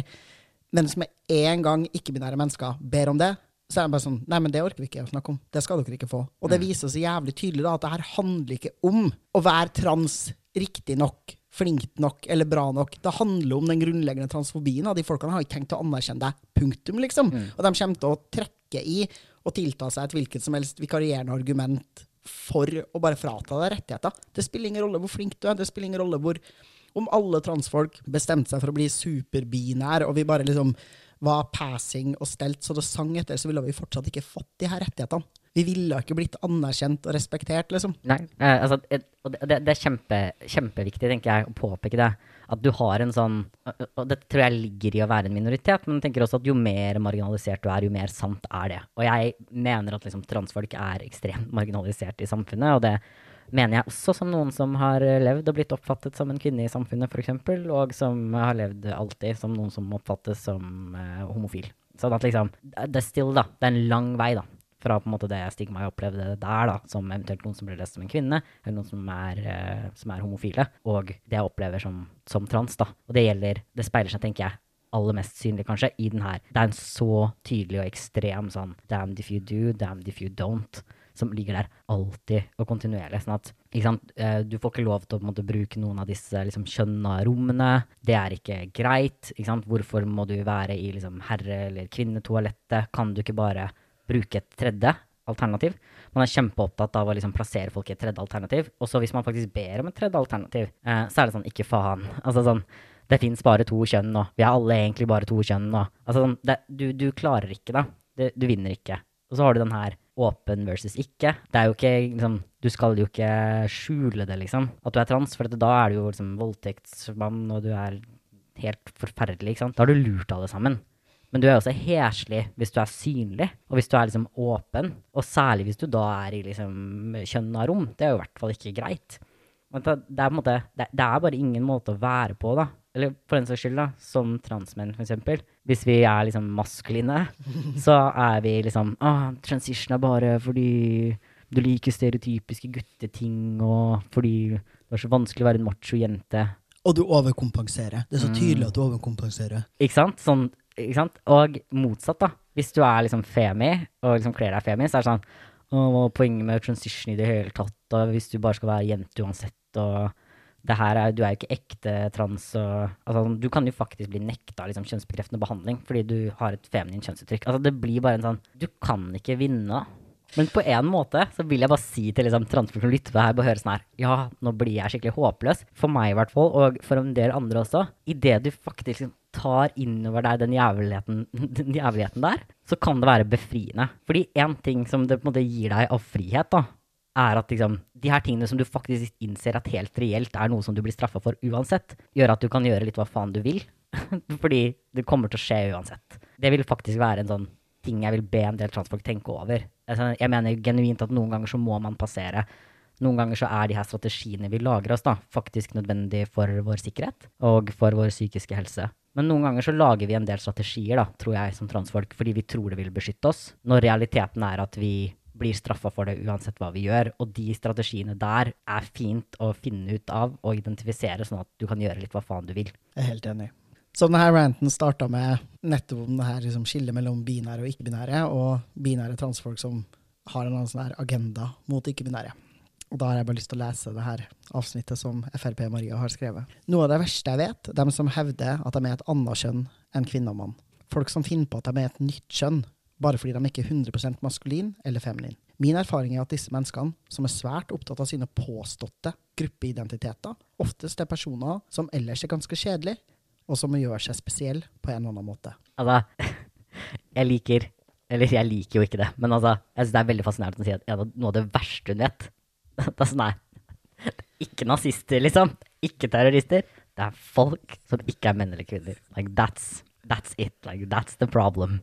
Ja, og jeg tenker at det, det gjør det jo veldig tydelig for oss hvor sentral faktisk da, transidentiteten er for hennes identitet. Altså Jeg skjønner selvfølgelig at den teksten her handler om trans, og da bringer man jo selvfølgelig fram det i seg selv. Men da er det jo helt opplagt for meg i hvert fall at det her er et ganske sentral del av hennes selvforståelse. Og at hun driver og navigerer og jobber med å forstå seg selv som trans. da, Og hvordan skal man navigere det i et samfunn hvor trans blir framstilt på én måte, kvinner blir framstilt på en måte, menn blir framstilt på en måte og at det er liksom reelt vanskelig. Men det er jo unektelig fortvilende når noen da ender opp med å konkludere med at det verste som fins det verste som fins, er ikke-binære folk. Det, var si, det er ikke det verste som fins. Jeg syns ikke-binære folk er jævla nydelig. ja, jeg er helt enig. Det er så fascinerende dette med altså, at de egentlig er ganske kjedelige. For det første så lurer jeg jo på liksom, hvor mange ikke-binære hun egentlig kjenner, da. Alle de veldig mange liksom, jeg kjenner, så er alle veldig kjedelige. Men det er også bare en, en veldig rar grunn, kanskje, da, til å måtte ha en ikke-binær identitet, som jo er såpass liksom, stigmatisert i samfunnet. Jeg klarer ikke å se logikk ikke at jeg liksom er noe mer enig, for så vidt, da, med liksom alle transfobene som er sånn her Du er bare forvirra, psykisk syk, bla, bla, bla. Det er hakket lettere for meg allikevel å liksom sette meg inn i da, tankegangen bak. Du tror du er ikke-binær eller trans fordi du er liksom traumatisert og liksom psykisk skada. Ok, akkurat like fucka, liksom, tankegang. Men eh, det er lettere for meg å sette seg inn i det enn det som hun prøver å fremme der, da. Som en sånn tanke om at folk kaller seg ikke-binære fordi de er kjedelige mennesker som vil være interessante. Altså, det bare virker så utrolig far-fetched at jeg liksom Det bare virker som en total liksom, konstruksjon da, av kanskje, kanskje projisering da, av ens egen frykt av hvordan man skal oppleves. Men uh, veldig mange av de som har vært synlig ute som liksom ikke-binære, i hvert fall sånn de siste årene, da for du har jo på en måte Espen Ester og sånn som er eldre. Så jeg tenker vi har jo alltid hatt en del ikke-binære i media. Men jeg tenker de som lager en, har på en måte mer tatt tilbake begreper sånn som ikke-binære og sånn, der er det jo en stor overrepresentasjon av folk som er ganske unge. Jeg syns alltid, alltid, også det er spennende hvordan på en måte folk Altså ting som egentlig bare er ungdommelige trekk, veldig ofte, hos liksom unge skeive, ja, ikke-binær trans, men også på cis-folk som er skeive, og som ja, har liksom farga hår og en del av disse her tingene, da, blir på en måte puttet inn i en sånn her Dette her er liksom aktivismetrekk, eller det her er transtrekk, hvor det bare blir sånn her Nei, det er ikke transtrekk. Være liksom imot uh, foreldra sine og være litt sint og prøve å finne seg og liksom være litt emosjonell når man er liksom 17 år og marginalisert. Altså sånn, det, det, det er bare en sånn Det er en sånn 17 år-ting. Det er ikke en liksom trans-ting. Fordi det vi har snakka om liksom så langt, er veldig sånn ting hun sa i den liksom første kronikken, den er jo helt outrageous. Og så har hun liksom moderert seg noe, som jeg tenker også liksom representerer sikkert en annen reise også i hennes liv, da, og selvforståelse. I den siste saken, som er liksom det intervjuet i dag, dagen, så snakka hun også over sånn her Hun sier blant annet jeg er lei av at enkelte transpersoner gjør seg til talsmenn for alle personer med kjønnsinkongruens. Og jeg synes det er veldig det er veldig spennende, for det er helt tydelig at du har lyst til å være en del av liksom, diskursen eller narrativet eller historien da, om det kollektive liksom, transpersonene. At du har lyst til å nyansere og vise frem til verden at transfolk kan være forskjellige. Det, er det syns jeg jo i utgangspunktet er et gode, selv om jeg jo er radikalt politisk uenig med denne dama. Men det er bare veldig artig at hun, at hun tenker da, at fordi jeg mener et eller annet spesifikt politisk eller frontetter meg, så, liksom, så blir det alt som er trans. Da. Det er helt tydelig at hun også veldig liksom, generaliserer transfolk og har stereotype ideer om oss. Jeg syns det er spennende, bare. Eh, og da, hun fortsetter da med å si det er rett og slett pinlig å være åpen om egen bakgrunn når de som til stadighet representeres i debatten om transpersoner, er så fast bestemt på å fornekte fakta og gjemme seg for realiteten. Og når du sier liksom, benekte fakta og gjemme seg for realiteten, så, så henviser hun til sine egne liksom, eh, setninger som er sånn Det finnes bare kvinner og menn jeg fornekter ikke min egen biologiske realitet. Jeg er ikke hundskjønn. Jeg har aldri påstått liksom, at jeg kan føde barn. Og så blir jeg bare veldig fascinert. Sånn, hvor er det transaktivister som meg og deg, da? Mm. Hvor er det jeg f.eks. har påstått at det her er XY-kromosomer? Ja. Har ikke påstått det. Nei. Har jeg påstått at transkvinner kan føde barn? Nei, har ikke påstått det. det, sånn her, det eneste jeg har påstått, er liksom helt biologiske realiteter, som er at noen transmenn og ikke-binære som er registrert som kvinner av fødsel, kan føde barn. Mm. Det er latterlig at resten av verden insisterer på å benekte de biologiske realitetene det er. Og så må hun gjerne liksom bruke en definisjon av kvinne som egentlig ikke inkluderer hun selv, hvor hun liksom sier at kvinner kan bare være mennesker som blir registrert som kvinner ved fødsel. Men det er jo sematikk. Og hun videre i samme intervju er veldig opptatt av at vi flisespikker på språk.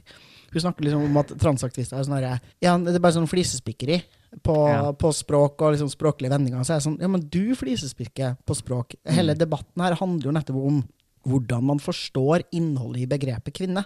Og du jo gjerne velge å forstå kvinner som noen som er født med livmor, eggstokker og vulva. Og jeg velger å fronte en annen definisjon av ordet kvinne. Mm. Men jeg fronter ikke en annen definisjon av ordet eggstokk. Nei. Det er sånn, jeg, jeg prøver ikke å putte testikler inn i kategorien eggstokk. Det er sånn der, Jeg har aldri sagt at XY-kromosomer er XX-kromosomer. De her liksom faktiske biologiske realitetene er det ingen transaktivister jeg kjenner som noensinne liksom har prøvd å benekte. Man bare nei. går ikke med på at XX-kromosomer hos et menneske gjør at det mennesket for alltid skal måtte kalle seg kvinne i enhver sosial setting. Ja. Fordi det er absurd. Ja, og det her er jo bare tull. Altså sånn, når har altså Nå antar jo vi at det handler om oss, men jeg, jeg, må jo bare, jeg må jo bare anta at det handler om oss, da. Altså sånn, hvis du begynner å snakke om liksom transaktivister i Norge, så er det litt sånn det er vanskelig å ikke forstå det som et begrep som inkluderer oss, da. Men den tanken om at vi gjør oss til talsmenn for alle, eksempel, blir også en sånn fascinerende ting. Altså sånn, når har vi gjort det, da? Ever, liksom? Altså sånn, i, i den grad det blir påstått, så tenker jeg at det er liksom media som gjør det. Altså, jeg har i hvert fall aldri gått ut, og det tror jeg heller aldri du har gjort, og vært sånn her. Jeg snakker for alle transpersoner. Eller jeg snakker for alle med kjønnsinkongruens. Jeg er talsmannen for de kjønnsinkongruente. Det er veldig viktig at du sier talsperson, fordi det er ikke lov å si mann i transbevegelsen. Å nei, i hvert fall ikke når man ikke engang er en mann, sånn som meg, eller talstransmannen. Jeg synes også det er spennende å lese Maria sin liksom, fortelling om hvordan hun fikk kjønnsbekreftende behandling. Hun eh, sier også at hun, altså, hun endte på Nasjonal behandlingstjeneste for transseksualisme, eller Riksen, da, og sier liksom som 16-åring begynte hun på hormonbehandling, man bare må liksom presisere at det er voldsomt tidlig å få tilgang på kjønnsbekreftende behandling. Ja, da, da har du gått på pubertetsblokkere, nesten, nesten garantert. Ja, og eh, hun forklarer i neste setning hvordan det her kunne skje, fordi hun sa, eller hun sier, jeg var veldig feminin lenge før jeg begynte på kvinnelige hormoner, og hormonene forsterka og fremheva det.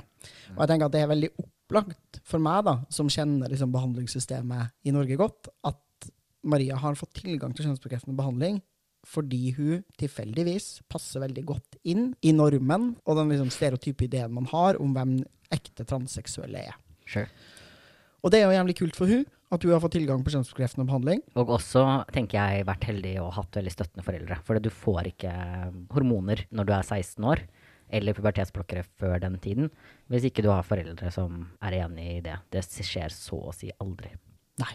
Nei, det er helt sant. Så, så et voldsomt privilegium der. Og det, og det at hun har fått tilgang på behandling såpass tidlig, har jo selvfølgelig også gjort det veldig mye lettere for hun Å passere. å passere. Sure. Ja. Og så sier hun videre i samme intervju selv om hun mener at operasjon var riktig for hun, er hun likevel tydelig på at både hormonell behandling og kirurgi ikke må gis for enkelt. Mm. Det her syns jeg er en sånn ting som man ser relativt mye i transmiljøet i Norge, men også faktisk internasjonalt, da, er den her forståelsen av at det å bli anerkjent gjennom diagnoser satt av transfobe cis-folk, som basically er majoriteten av folk som gir kjønnsbekreftende behandling i verden, da, Mm.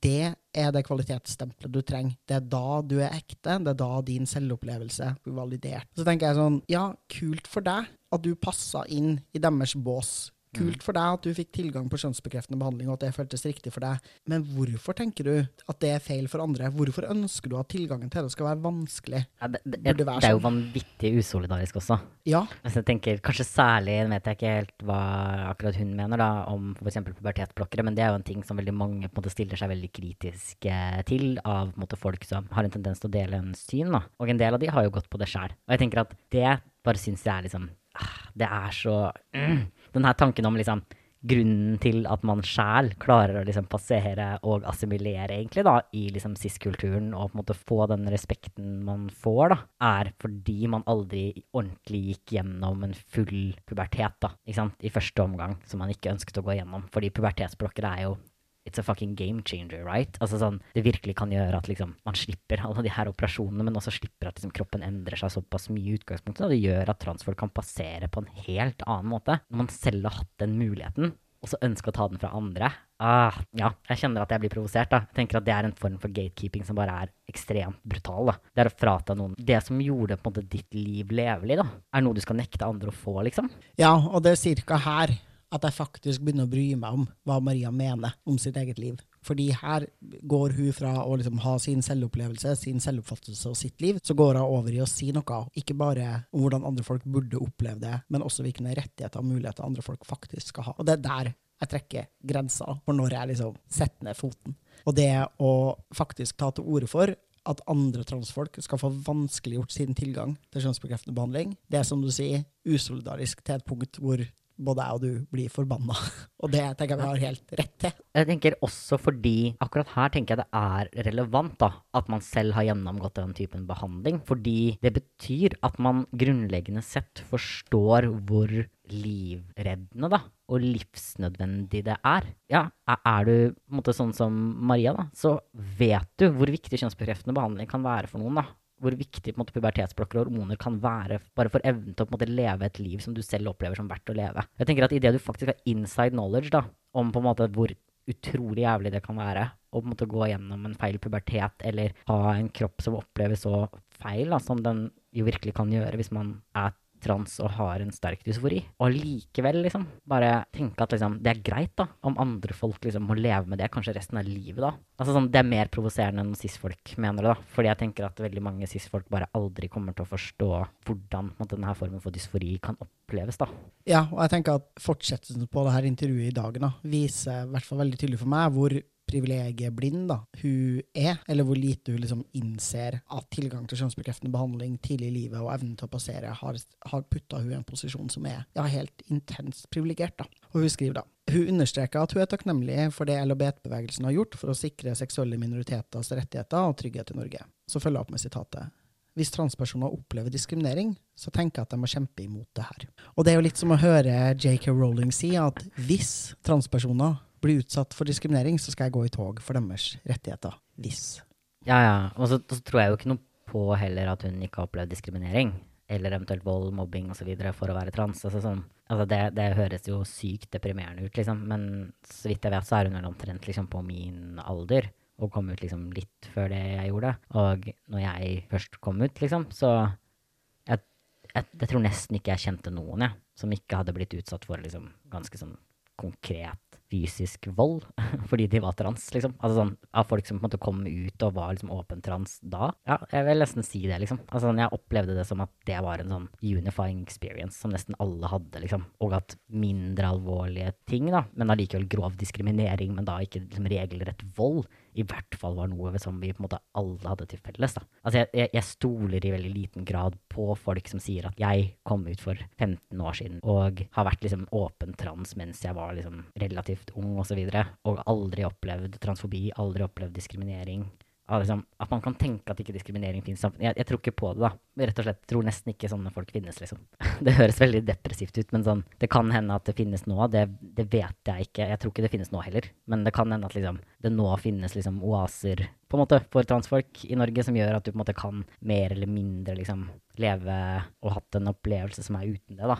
Men sånn kommet for 15 år siden. Du kan ikke seriøst tro da at det ikke finnes diskriminering mot transfolk. Jeg går ikke med på det, og jeg tenker også at ting hun har sagt eh, både på bloggen sin og offentlig, også understøtter helt klart det. Hun har blitt utsatt for ekstreme mengder diskriminering. Og det har alle andre også, som har kommet ut som trans i ung alder eller for liksom mer enn ti år siden. Og jeg tenker at det fortsatt også er sant for majoriteten av transfolk. liksom. Ja, det, det tror jeg altså. Ja, og vi sier jo også det, men skal jeg være ærlig, så ser jeg ikke noe voldsom undertrykkelse eller forfølgelse av transpersoner i dag. Jeg har aldri følt at jeg har blitt nekta å være meg selv. Jeg mener at dem selv sørger for å holde liv i en kamp som egentlig er vunnet på mange områder. Og så er det interessant at du snakker liksom om en kamp, da, for det er jo helt tydelig at du til en viss grad anerkjenner at noen har måttet kjempe denne kampen. da. Ja, hvem er det? Ja, Det er ikke deg, Maria. Sorry. Ja, og det er interessant også, hvis de blir utsatt for diskriminering, så bør de kjempe mot det. Så er det litt sånn, ja, det er jo det vi gjør, da. Altså, det, det er jo det vi gjør. Vi kjemper jo mot denne diskrimineringen som vi mener at faktisk finnes, da og er der. Og så er det jo, altså, uten å skal prøve å liksom ikke putte det, liksom, alt det her liksom, bare på henne, da. Men jeg syns jo også det unektelig er spennende hvor mange som på en måte har blitt utsatt for grov transfobi i perioden av livet sitt, hvor de på en måte var åpne og liksom ikke passerte så godt, som liksom idet de har liksom altså, passert godt lenge, da, bare virker som at de bare glemmer det, liksom. De bare er sånn her Ja, men det er ikke noe særlig diskriminering av transfolk i samfunnet. Så er det sånn her men altså, det er fordi du leses som siss overalt hvor du går, liksom. Altså, sånn, du har bare glemt, du, hvor jævlig det var i de periodene hvor du ikke ble det, da. Ja, det tenker jeg er en helt legitim og veldig forståelig overlevelsesmekanisme. Da. Og jeg tenker at jeg gjør det selv. Altså, ja, ja. Sånn, du arresterte meg på det en gang for liksom lenge siden hvor noen spurte sånn ja, har du blitt utsatt for liksom, diskriminering og stigma og sånn fordi du har vært åpen om å være trans? Og være sånn, nei, nei, jeg, jeg, har egentlig aldri fått noe dritt. Og så husker jeg du mm. liksom kom til meg etter den panelsamtalen og var sånn Men Luka, du har fått så sjukt mye dritt liksom, fordi du er åpen om å være trans. Og så er jeg sånn Nei. Og du bare Jo, folk har liksom kalt deg en freak, kalt deg en dame, sagt at du fortjener å dø. Jeg var sånn Ja ja, men det bare, ja, ja. ja, men det er altså sånn Og det er jo en verdi for deg på et personlig nivå å bagatellisere de her tingene. Kom deg forbi dem, ikke heng deg opp på dem. Altså, det er en overlevelsesmekanisme som er helt nødvendig, da. Men vi kan ikke glemme det som gruppe. Vi kan ikke underspille det bare fordi det er mest behagelig for cis-folk å ikke bli arrestert på eller måtte forholde seg til da, at vi faktisk blir utsatt for så mye dritt. Mm. Men ja. det er en vanskelig balansegang da, for oss personlig. Liksom, for jeg kan jo heller ikke ligge i senga mi hver kveld og tenke herregud, så mange mennesker i verden som, som syns jeg fortjener å dø. Herregud, så mange folk som liksom syns at jeg, ikke bare sånn fordi jeg er trans, men jeg fordi jeg har vært mm. åpen, er skikkelig heslig, og folk får lyst til å spy når de ser meg, og som syns at jeg fortjener å dø. Helt enig. Det, det, er en helt naturlig mekanisme. Jeg tenker alle mennesker er sånn. Idet vi på en måte går videre med livene våre, så glemmer vi på en måte lidelse og smerte. Og tenker at det er et veldig positivt trekk da, som mennesker har i utgangspunktet. Det gjør at vi på en måte klarer å leve gode liv. Det at vi på en måte i stor grad kan klare å glemme de tingene. Og det er en naturlig del av det å få det bedre også, da, med seg selv. At man ikke går rundt og holder på alle de liksom traumatiske opplevelsene man har. Men samtidig så tenker jeg at det er, det er viktig, da, at vi som passerer godt og har gjort det lenge, og som ikke står i en sånn kontinuerlig prosess hvor vi f.eks. prøver å skaffe oss kjønnsbekreftende behandling osv. Altså sånn faktisk ikke står i noe sånt her og nå, da ikke glemmer at ting var annerledes når vi på en måte tydeligere ble lest som trans, eller glemmer da hvor stressende det var å stå i denne prosessen og prøve å skaffe denne kjønnsbekreftende behandlingen før vi fikk sikra en f.eks. diagnose som ga oss rett på det. da. Jeg tror at det er bare Folk sletter det fra huet sitt, liksom. Det er fint, sure, heal. Ikke heng deg opp i og liksom, tenk at liksom, verden er horribel og bare gå rundt og være liksom, traumene dine. Men du må i møte med andre transfolk som ikke har kommet like langt i den prosessen som deg sjæl, faktisk liksom tenker jeg holde litt på å være i stand til å tenke tilbake igjen på at det var røft, liksom. Og ha sympati da, for folk som står i det som du sto i. Ja, og ha forestillingsevne nok også til å liksom se for deg hvordan ville livet mitt vært da, hvis jeg ikke hadde fått tilgang til denne behandlinga. Hvis jeg mm. bare måtte leve i den situasjonen jeg nå har lagt bak meg resten av livet mitt. da. Ja, og det er jo helt forferdelig. Ja, eh, det unner jeg ikke min verste fiende, liksom. Og så tenker jeg jo at liksom, for eksempel du og jeg, så vil det være vanskeligere å på en måte glemme det. Og det, det, gjelder på en måte både fordi vi hele tiden snakker om trans, hele tiden snakker om og også må på en måte connecte tilbake til våre egne historier, for det er en naturlig del av å jobbe med sin egen gruppe, er jo at man hele tiden liksom bærer med seg sin egen historie. Og fordi vi har mye kontakt med folk som står i de her vanskelige prosessene hele tiden, i kraft av å drive med liksom likemannsarbeid, og selvfølgelig også får mye PS, da, fordi vi er åpne i media. Likepersonsarbeid. Ja, sorry. Beklager. Likepersonsarbeid. men ja, men også fordi man får mye liksom, transfobi av å stå fram i media. Kanskje særlig da, hvis du sjæl er liksom, trans, og du på en måte ikke driver med veldig sånn aktiv aktivisme, verken med liksom, likepersonsarbeid eller med på en måte, ting i media hvor du på en måte får mye backslash og derfor på en måte blir påminnet. da. Bare please, liksom, ikke fall i den her fella av å tenke sånn her at verden har på en måte blitt helt fiksa, da. Bare fordi at du blir behandla bedre fordi du leses som cis, på en måte. Du har også forandra deg, ikke bare samfunnet, liksom. Det kan godt hende ting er enklere nå, men det er ikke gitt at det er så mye enklere, liksom. Det kan hende at det handler om hvordan du er også.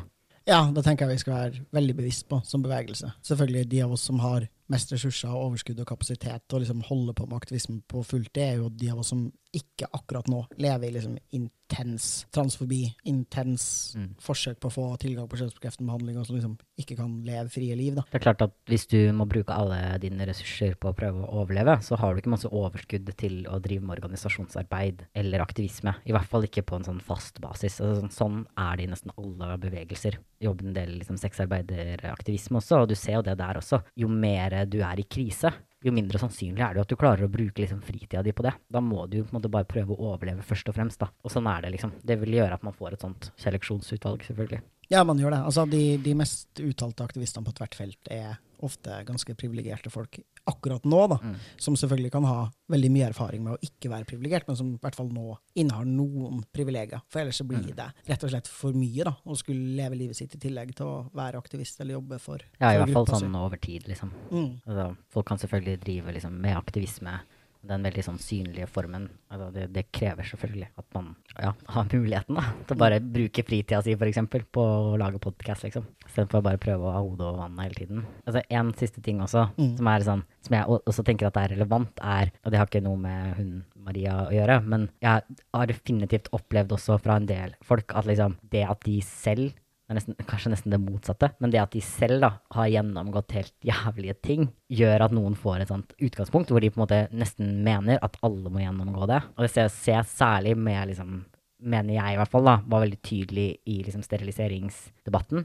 Det var at liksom mange av de som hadde måttet gjennomgå det, hang seg veldig opp i at liksom det må være et krav, da. Fordi det å anerkjenne at det kanskje kunne være sånn at liksom det var en ting som man hadde blitt tvunget til å ikke hadde trengt å gjøre, da. At det ikke var noen selvfølgelighet eller nødvendighet i det. Det gjorde på en måte det at det gikk fra bare å være en sånn ting som de hadde måttet måtte dissosiere seg gjennom som en av de mange jævlige tingene man bare må tolerere, da, som transperson, til å være en sånn her ting som du måtte håndtere som noe som faktisk var gjort mot dem, som var galt. Og den prosessen også, så tenker jeg liksom verdt å være litt var, da. Det at du har hatt det helt jævlig, liksom, for å komme der du er, betyr ikke at det å ha det jævlig er en del av transopplevelsen som vi skal verne om. Det er en del av transopplevelsen for deg, og det kan gjøre at det å f.eks. identifisere seg med personer som er trans, og som ikke har, ikke har det traumatiske opplevelsen, da, som faktisk har hatt en ganske uproblematisk opplevelse av å være trans, at kanskje du ikke føler noe særlig tilhørighet til dem. Kanskje du tenker at det her er ikke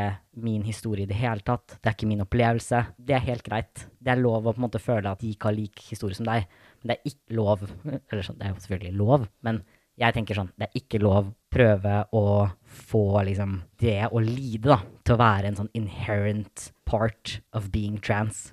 Det tenker jeg bare er ekstremt skadelig liksom, for oss alle. Det at vi skal prøve å opprettholde et slags system da, hvor liksom, du ikke skal få lov til å være trans hvis ikke du har lidd nok. Det er jeg helt enig i, og jeg kan veldig godt forstå at folk kan synes at det er vanskelig å se at andre får det lettere enn deg selv, men du må, faktisk liksom være romslig nok til å bare se det som et ubetinga gode. da. Det er en Mm. fryd å se transkids som kommer ut når de er tre år, og som har støttende foreldre og får lov til å leve hele livet sitt som de skjønner de er. liksom. Det tenker jeg altså. Det er sånn, ja, selvfølgelig kan det gjøre vondt for oss som ikke hadde den muligheten. Det, er liksom, det kan påminne oss en smerte og en Mm. lidelse som har vært helt reell, og som er betydningsfull for vår identitet. Men det er sånn her, du kan ikke se på den som noe, noe annet enn en glede. da. Herregud, så jævlig fint det er at folk får det lettere og bedre enn det vi har hatt det. Jeg er helt enig. Og takk til alle de folkene før oss som gjorde det Mm. lettere for oss å være oss enn det det var for dem å være dem.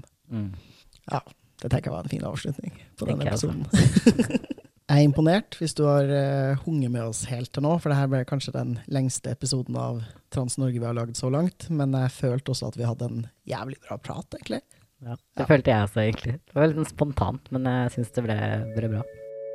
Tusen takk for at du var med oss i dag, Alexander Sørli. Jeg heter Luka Dalen Espeseth. Takk til Martin Skjold for den nydelige Trans Norge-musikken.